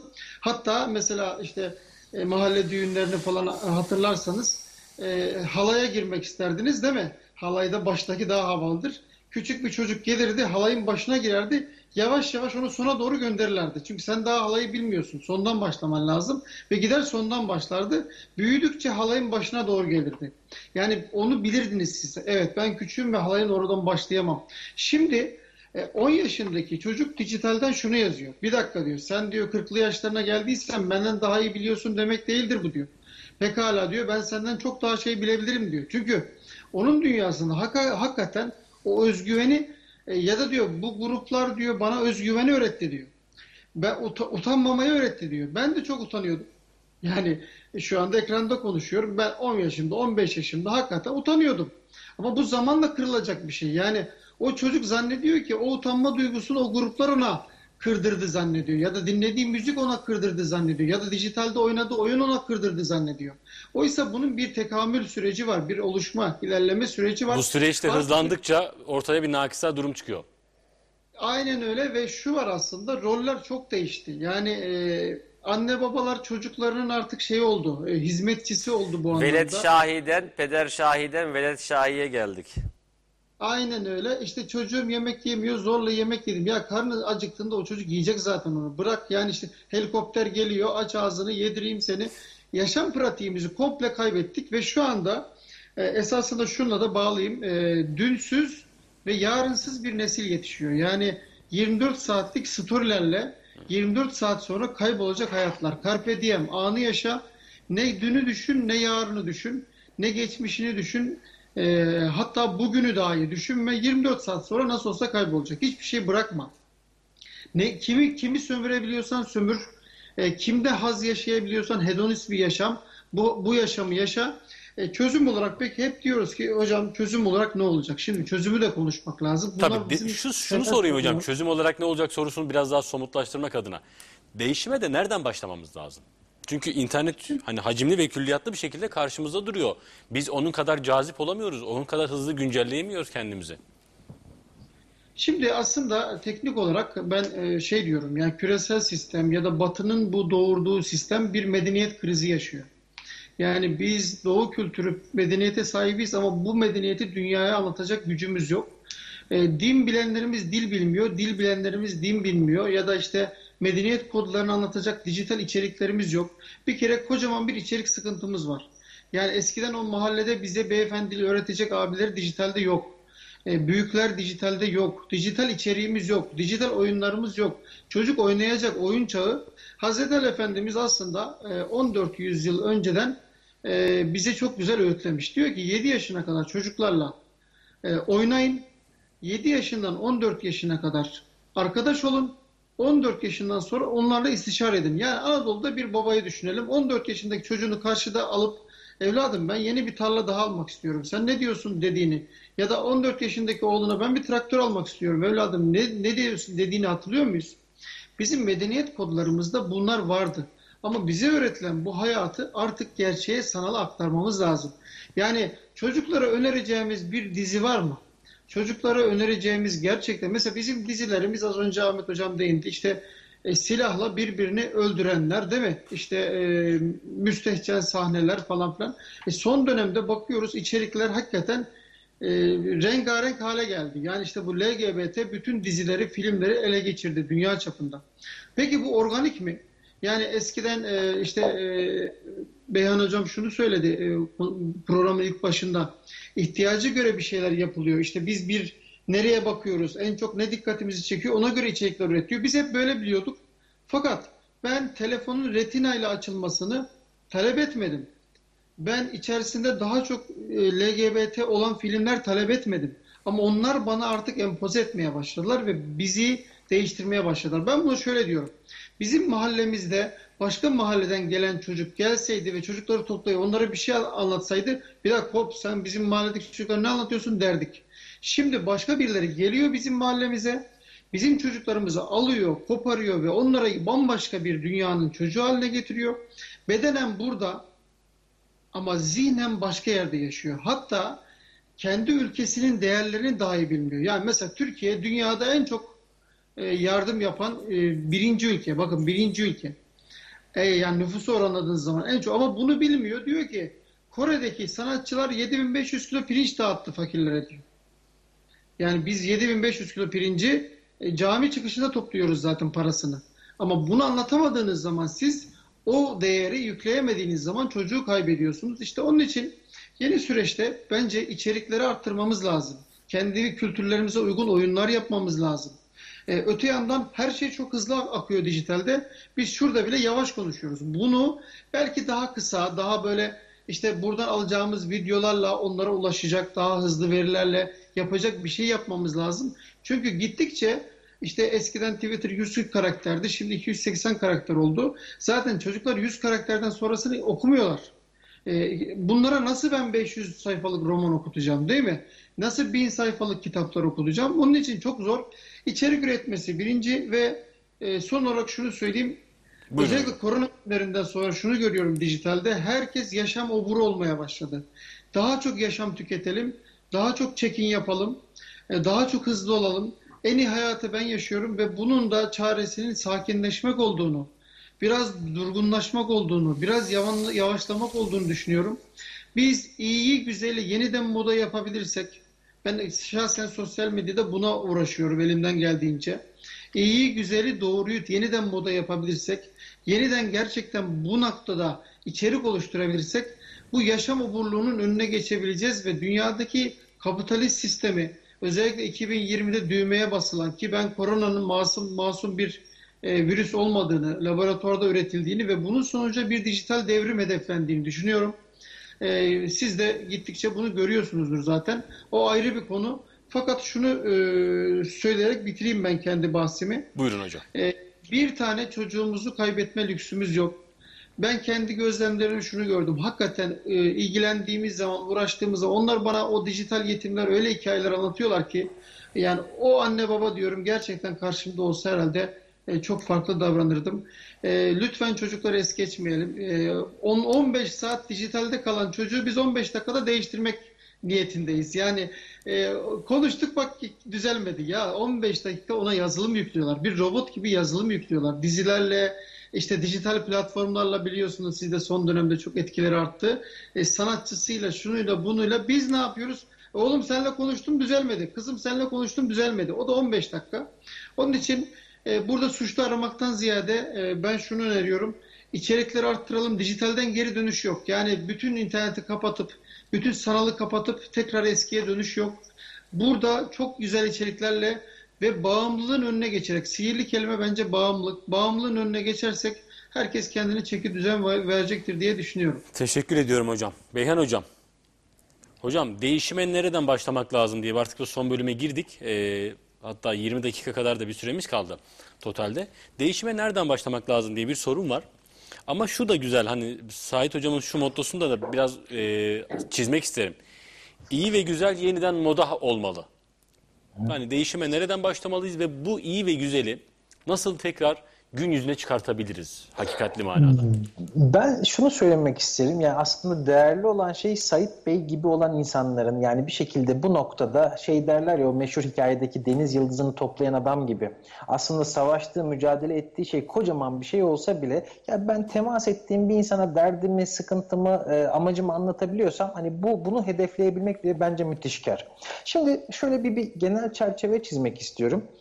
İlk başta anne babalarla başladık aslında. Ben şöyle düşünüyorum. Bir anne babanın kurduğu, dünyayla kurduğu şey dedik ya başta. Çocuğa yaklaşımı çocuğun kendi benliğini oluşturuyor. Kendisine yaklaşımını. Aynı zamanda şöyle bir e, şey var. Çocuğu, anne babanın diğer insanlara ve hayata temasının şekli, biçimi çocuğun da hayata temasının ilk biçimini oluşturuyor. Şimdi e, şey dedik en başta yola çıkarken e, babaannesine kötü davranan çocuk. Ben Evet. şunu düşünüyorum. Bu baba anne ne yapıyor da bu çocuk bunu yapabiliyor? Şimdi burada anne babanın da tutumu yani Çok e, önemli bir şey söylüyorsunuz hocam. Yani çok Ba- özür çok özür dilerim. Çocuk e, babaannesine ya da anneannesine onu yapabilme cesaretini nereden buluyor? Bu çok yani önemli şimdi bir şey. Ben de haylaz bir ergen olduğum zamanlar vardı. Kız kardeşimin de erkek kardeşimin de yaşadık ama hani bunu yapmak aklımıza gelmedi. Çünkü babam dedeme çok iyi davranırdı, hürmet ederdi. Annem e, hani dedem zahmetli bir bakım süreci vardı. Son rahmetli olmadan önce bizde kaldı. E, stresli, sıkıntılı, bıktığı zamanlar oldu ama yüzünü öf demedi. Şimdi ben ondan gördüm dünyaya temas etme noktasını. Bir bu tarafta var. Bir yandan da iki uç örnekten istiyorum anne babaların. Bir kısmı var ki mesela evine televizyon koymayan, bir şekilde çocuğuna kesinlikle tablet, e, telefon vermeyen. Çocuk dünyada ne olup bitiyor bilmiyor. Ben bu çocukları aşı görmemiş, hani çok steril bir ortamda büyümüş ve ilk e, gerçek hayatın içine atıldığı zaman o virüsü kapıp dağılabilecek insanlar olarak düşünüyorum. Şimdi e, bir çocuğu, bir genci gerçek hayatın dışarıdaki bozuk e, ya da hani kötü olan dediğimiz e, kişiye göre değişir. Ondan tamamen koruyor olmak aslında o çocuğa, o gence iyilik bir şey yapmak olmuyor. Yani evde belli bir ölçü. Mesela bizde ben kola içmem. Hani çok nadir şey yaparken. Ama çocuklarım arada canları hamburger istediği zaman random bir şekilde ayda bir, bir buçuk ayda bir yesinler isterim. Çünkü yemediği şeyi gözünde büyütecek ve sonrasında o onun için o onun aşısı olacak aslında. Yani gerçek hayata karşı aşı dediğimiz şey. Yani belli bir ölçekte o içeriklere de maruz kalacak, sosyal medyaya da maruz kalacak. Bir tarafta da şöyle bir e, kitle var. Ne yaparsa yapsın. Bırakın yapsın. Hani ne odasında mı? 15 saat mi? 16 saat mi? Ne yapıyorsa yapsın. Mesela bir gün birisi geldi. Dedi ki benim çocuğum bilgisayar bağımlısı. Dedim evde nasıl bir teknolojik alet var? İki tane iPad var. İşte bir tane masaüstü var. Bir tane laptop var. Bir, bir tane oyun konsolu var. Bir markanın. Bir oyun konsolu var. Bir markanın. Vallahi dedim ben sizin evladınız olsam ki isterim olmayı dedim. Yani bu kadar teknolojik alet varsa ben de olurum dedim. Şimdi ne yapıyor? Hani bir yandan da böyle bir taraf var. Şimdi ortada bir yerde durmamız çok çok çok önemli. Ee, ve şunu da ben ümitliyim açıkçası. Hani biz geleceğe dair eski düzen bozuldu. Bu yeni sistemin de eninde sonunda kendi içinde bir dengesini bulabileceğini ve çocukların e, kendi içinde o gençlerin yetişkinliğe geçişte sağlıklı bir geçiş yapabilecek bir grup olduğunu düşünüyorum. Ben bazı anne babalar çok kaygılı geliyor. Diyor ki benim çocuğum şöyle, benim oğlum böyle, kızım böyle. Ben şey diye düşünüyorum. Anneyi mesela şöyle bir e, küme gibi düşünelim. Babayı da şöyle bir küme gibi düşünelim. Kesişen bir küme. Ve benim elimde zarlar var. E, tam öyle kaldı görüntü bir an benim gözümde o şekilde. Zarları atıyorum. Donuyor mu bu arada? Ben görüntü Ga- şey yaptım gayet iyiyiz hocam. bozuldu. Buyurun. Tamamdır. Hani ben şey yapıyorum. Şimdi anne babanın e, oluşturduğu anne var, baba var ve anne babanın oluşturduğu aile atmosferi var. Oraya ben bir zar atıyorum. E, arada sınırlara gelebilir çocuk. Ama o zar e, belirli bir kişilik özelliğini oluşturuyor. Eğer aile sağlamsa çocuk dağılıyormuş gibi görünse de, o genç dağılıyormuş gibi görünse de eninde sonunda toparlanıyor. Her seferinde ben buna rast geldim. Çok ekstrem durumlar hariç. Mesela bir arkadaş vardır özellikle onu kötü yola düşürmeye çalışır. Madde bağımlısı yapar şu bu. Yani biz aile atmosferini muhafaza edersek bu ciddi bir fark yaratacak. Bir yandan hocalarım söyledi. E, ben çocuğumla mesela bazen kızımla bazen oğlumla bazen ikisiyle birlikte yürüyüşler yapıyoruz. Kızımla yürüyüş yaptığım zaman ya da oğlumla ya ben diyorum Efsun sen bunları ne ara düşündün? Tuna sen bunları ne ara düşündün? Ya yarım saatlik bir yürüyüşte aslında yetişkin yetişkin gibi baktığımız zaman çok farklı bir deneyim e, ortaya çıkıyor. Ben şunu düşünüyorum çocuklara hep öğretmeye çalışıyoruz. Ama beraber bir zaman ayırıp ya müthiş zamanlara gerek yok. Akşama kadar beraber zaman geçirmeye de gerek yok. Nicelik hiç önemli değil. Yarım saatlik kaliteli bir zaman bile efsanevi bir fark yaratabilir. Çocuğa bir şey anlatmadan, dürtmeden, düzeltmeden ya arkadaşım, oğlum, kızım senin derdin ne? Sen ne istiyorsun? Senin hayalin ne? Ya bunu bilmiyor anne babalar çoğu zaman. Çocuğunun neye üzüldüğünü, neye sevindiğini, neden Güney Kore dizilerini, şarkıcılarına deli gibi hayran olduğunu bilmiyor. Diyor ki izlemeyeceksin, yapmayacaksın. E şimdi ben bir şeye değiştirmeye çalıştığım zaman, e, şiddetle yaklaştığım zaman kutuplaşma dediğimiz bir durum ortaya çıkar. Evet. Ben dedim ki Orhan Bey, sizin kravatınız e, çok kötüymüş. Nereden bu kadar e, zevksizsiniz diye ondan sonra. Siz de Te- halbuki teşekkür ediyorum hocam. Şöyle bir şey. Siz de halbuki sevmeyerek almışsınız bunu. Siz de sevmiyorsunuz. Ama ben size bunu kötülediğim zaman siz bunu sahiplenmek e, psikolojisi içerisine girersiniz. Bir çocuğa da böyle şiddetle yaklaştığım zaman aslında orada kararlı bir duruşu olmasa bile çocuğu oraya sabitlemiş oluyoruz. O yüzden biraz eş zamanlı yargılamadan da yaklaşmak lazım. Bir şey söyleyeceksiniz herhalde. Yavaş yavaş toplayalım diyeceğim hocam sadece. Ha, tamam. Tamam şey diyeceğim. Bir yandan da ben toplumsal anlamda e, entelektüelliğe ciddi bir yatırım yapılması gerektiğini düşünüyorum. Çocukların bir alternatifi yok. E, televizyon izlemesin, e, sosyal medyaya bakmasın nereye gidecek yani? Şimdi ben e, bu karantina sürecinde çıkmadık. Çocuklara yasak vardı. Çıkamıyor, yürüyemiyor, koşamıyor. Vallahi hani bir içerik filtresi koydum. E, YouTube'a da bakıyor. E, Netflix'te de bir içerik filtresi koydum. Bazı şeylere dikkat ediyorum, özen gösteriyorum. Ne yapsın bakmasın? Bir enerji var yani hani evin içinde tavana mı zıplayacak, ne yapacak? Şimdi çocuklara da hak veriyorum. Bir alternatif sunmadan e, şey yapamayız yani. E, onunla ona bir kapı açmak, ona bir yön göstermek ve en temelde şunu söylerim. Ben ne yapıyorsam, ben dünyayla nasıl temas kuruyorsam, ben kitap okuyorsam benim evladım da kitap okur. Eyvallah. Ben dışarıda yürüyüş yapıyorsam benim evladım da yürüyüş yapar. Benim kaliteli arkadaşlıklarım varsa o da öyle kurar. Yani ve şey değil elbette toplum değişiyor ama her zaman ümitli olmakta fayda var. Bundan da ben güzel bir sonuç çıkacak. Ben bizim toplumumuzun genetik yapısının çok sağlam olduğunu düşünüyorum. E, bundan da güzel Şu bir sonuca çok önemli şu çok önemli bir sonuç olacak hocam. Çocuğumuzdan korkuyorsak aslında kendi hayatımızdan korkuyoruz anlamına geliyor. Aynen öyle. Aynen Yani öyle. biz kendi hayatımıza güvenmediğimiz için çocuğumuzun hayatına güvenemiyoruz. Şey oluyor son burada bir şey söyleyeyim. Bazen Buyurun. Instagram'da bir paylaşım yapıyorum. Şöyle teması varsa paylaşımın işte seni üzmüşler. Diğer herkes hani e, hassas insansın sen ve diğer insanlar birazcık daha seni e, üzmüş olabilirler. Böyle paylaşımlar 20-30 bin like alıyor mesela. Şimdi e, bazen de diyorum ki suç sende, sorumluluk sende bazı noktada. İnsanlar e, kendisinden dışarı atmayı çok seviyorlar sorumluluğu. Bu çocuk yetiştirirken de, toplumu değerlendirirken de ya birazcık da böyle o çuvaldızı kendimize batırmamız gerekiyor. Sonuçta o çocuk uzaydan gelmedi. Elbette ki genetik farklar var e, diyebiliriz ama genetik bir yatkınlık. Şu da var, e, Ahmet Hocam'ın da söylediği gibi e, e, hayatın akışı içinde ergen dediğim gibi o kümenin bazen sınırlarına gidebilir. Zorluyormuş gibi görünebilir. Ben malıma güveniyorsam yani ilişkime, e, hayat alanıma güveniyorsam o çocuk eninde sonunda şey yapacak, toparlayacak. Ve hayat psikolojiden büyük, büyüktür yani. Ben hep bunu söylerim. Bir psikolog olarak, alanda çalışan birisi olarak hayat psikolojiden büyüktür. Biraz ona dikkat etmek lazım. Hocam çok teşekkür ediyorum. Çok güzel. Hayat psikolojiden her zaman büyüktür. Çok sağ olun. Ahmet hocam. E, son soru olarak değişime nereden başlamak lazım diye böyle e, Evet. hocalarından güzel reçeteler geldiler aslında. Sait hocamdan da Beyhan Şimdi hocamdan da. lahananın yaprağını yiyince güzel, sapına gelince M demek olmaz. Yani çocuklar bizim çocuklarımız. Küçükken seviyoruz, ediyoruz, öpüyoruz, kokluyoruz. Bizim birçok ihtiyacımızı gideriyorlar. Ergen olunca, yetişkin olunca niye böyle oldu falan olmaz bu iş.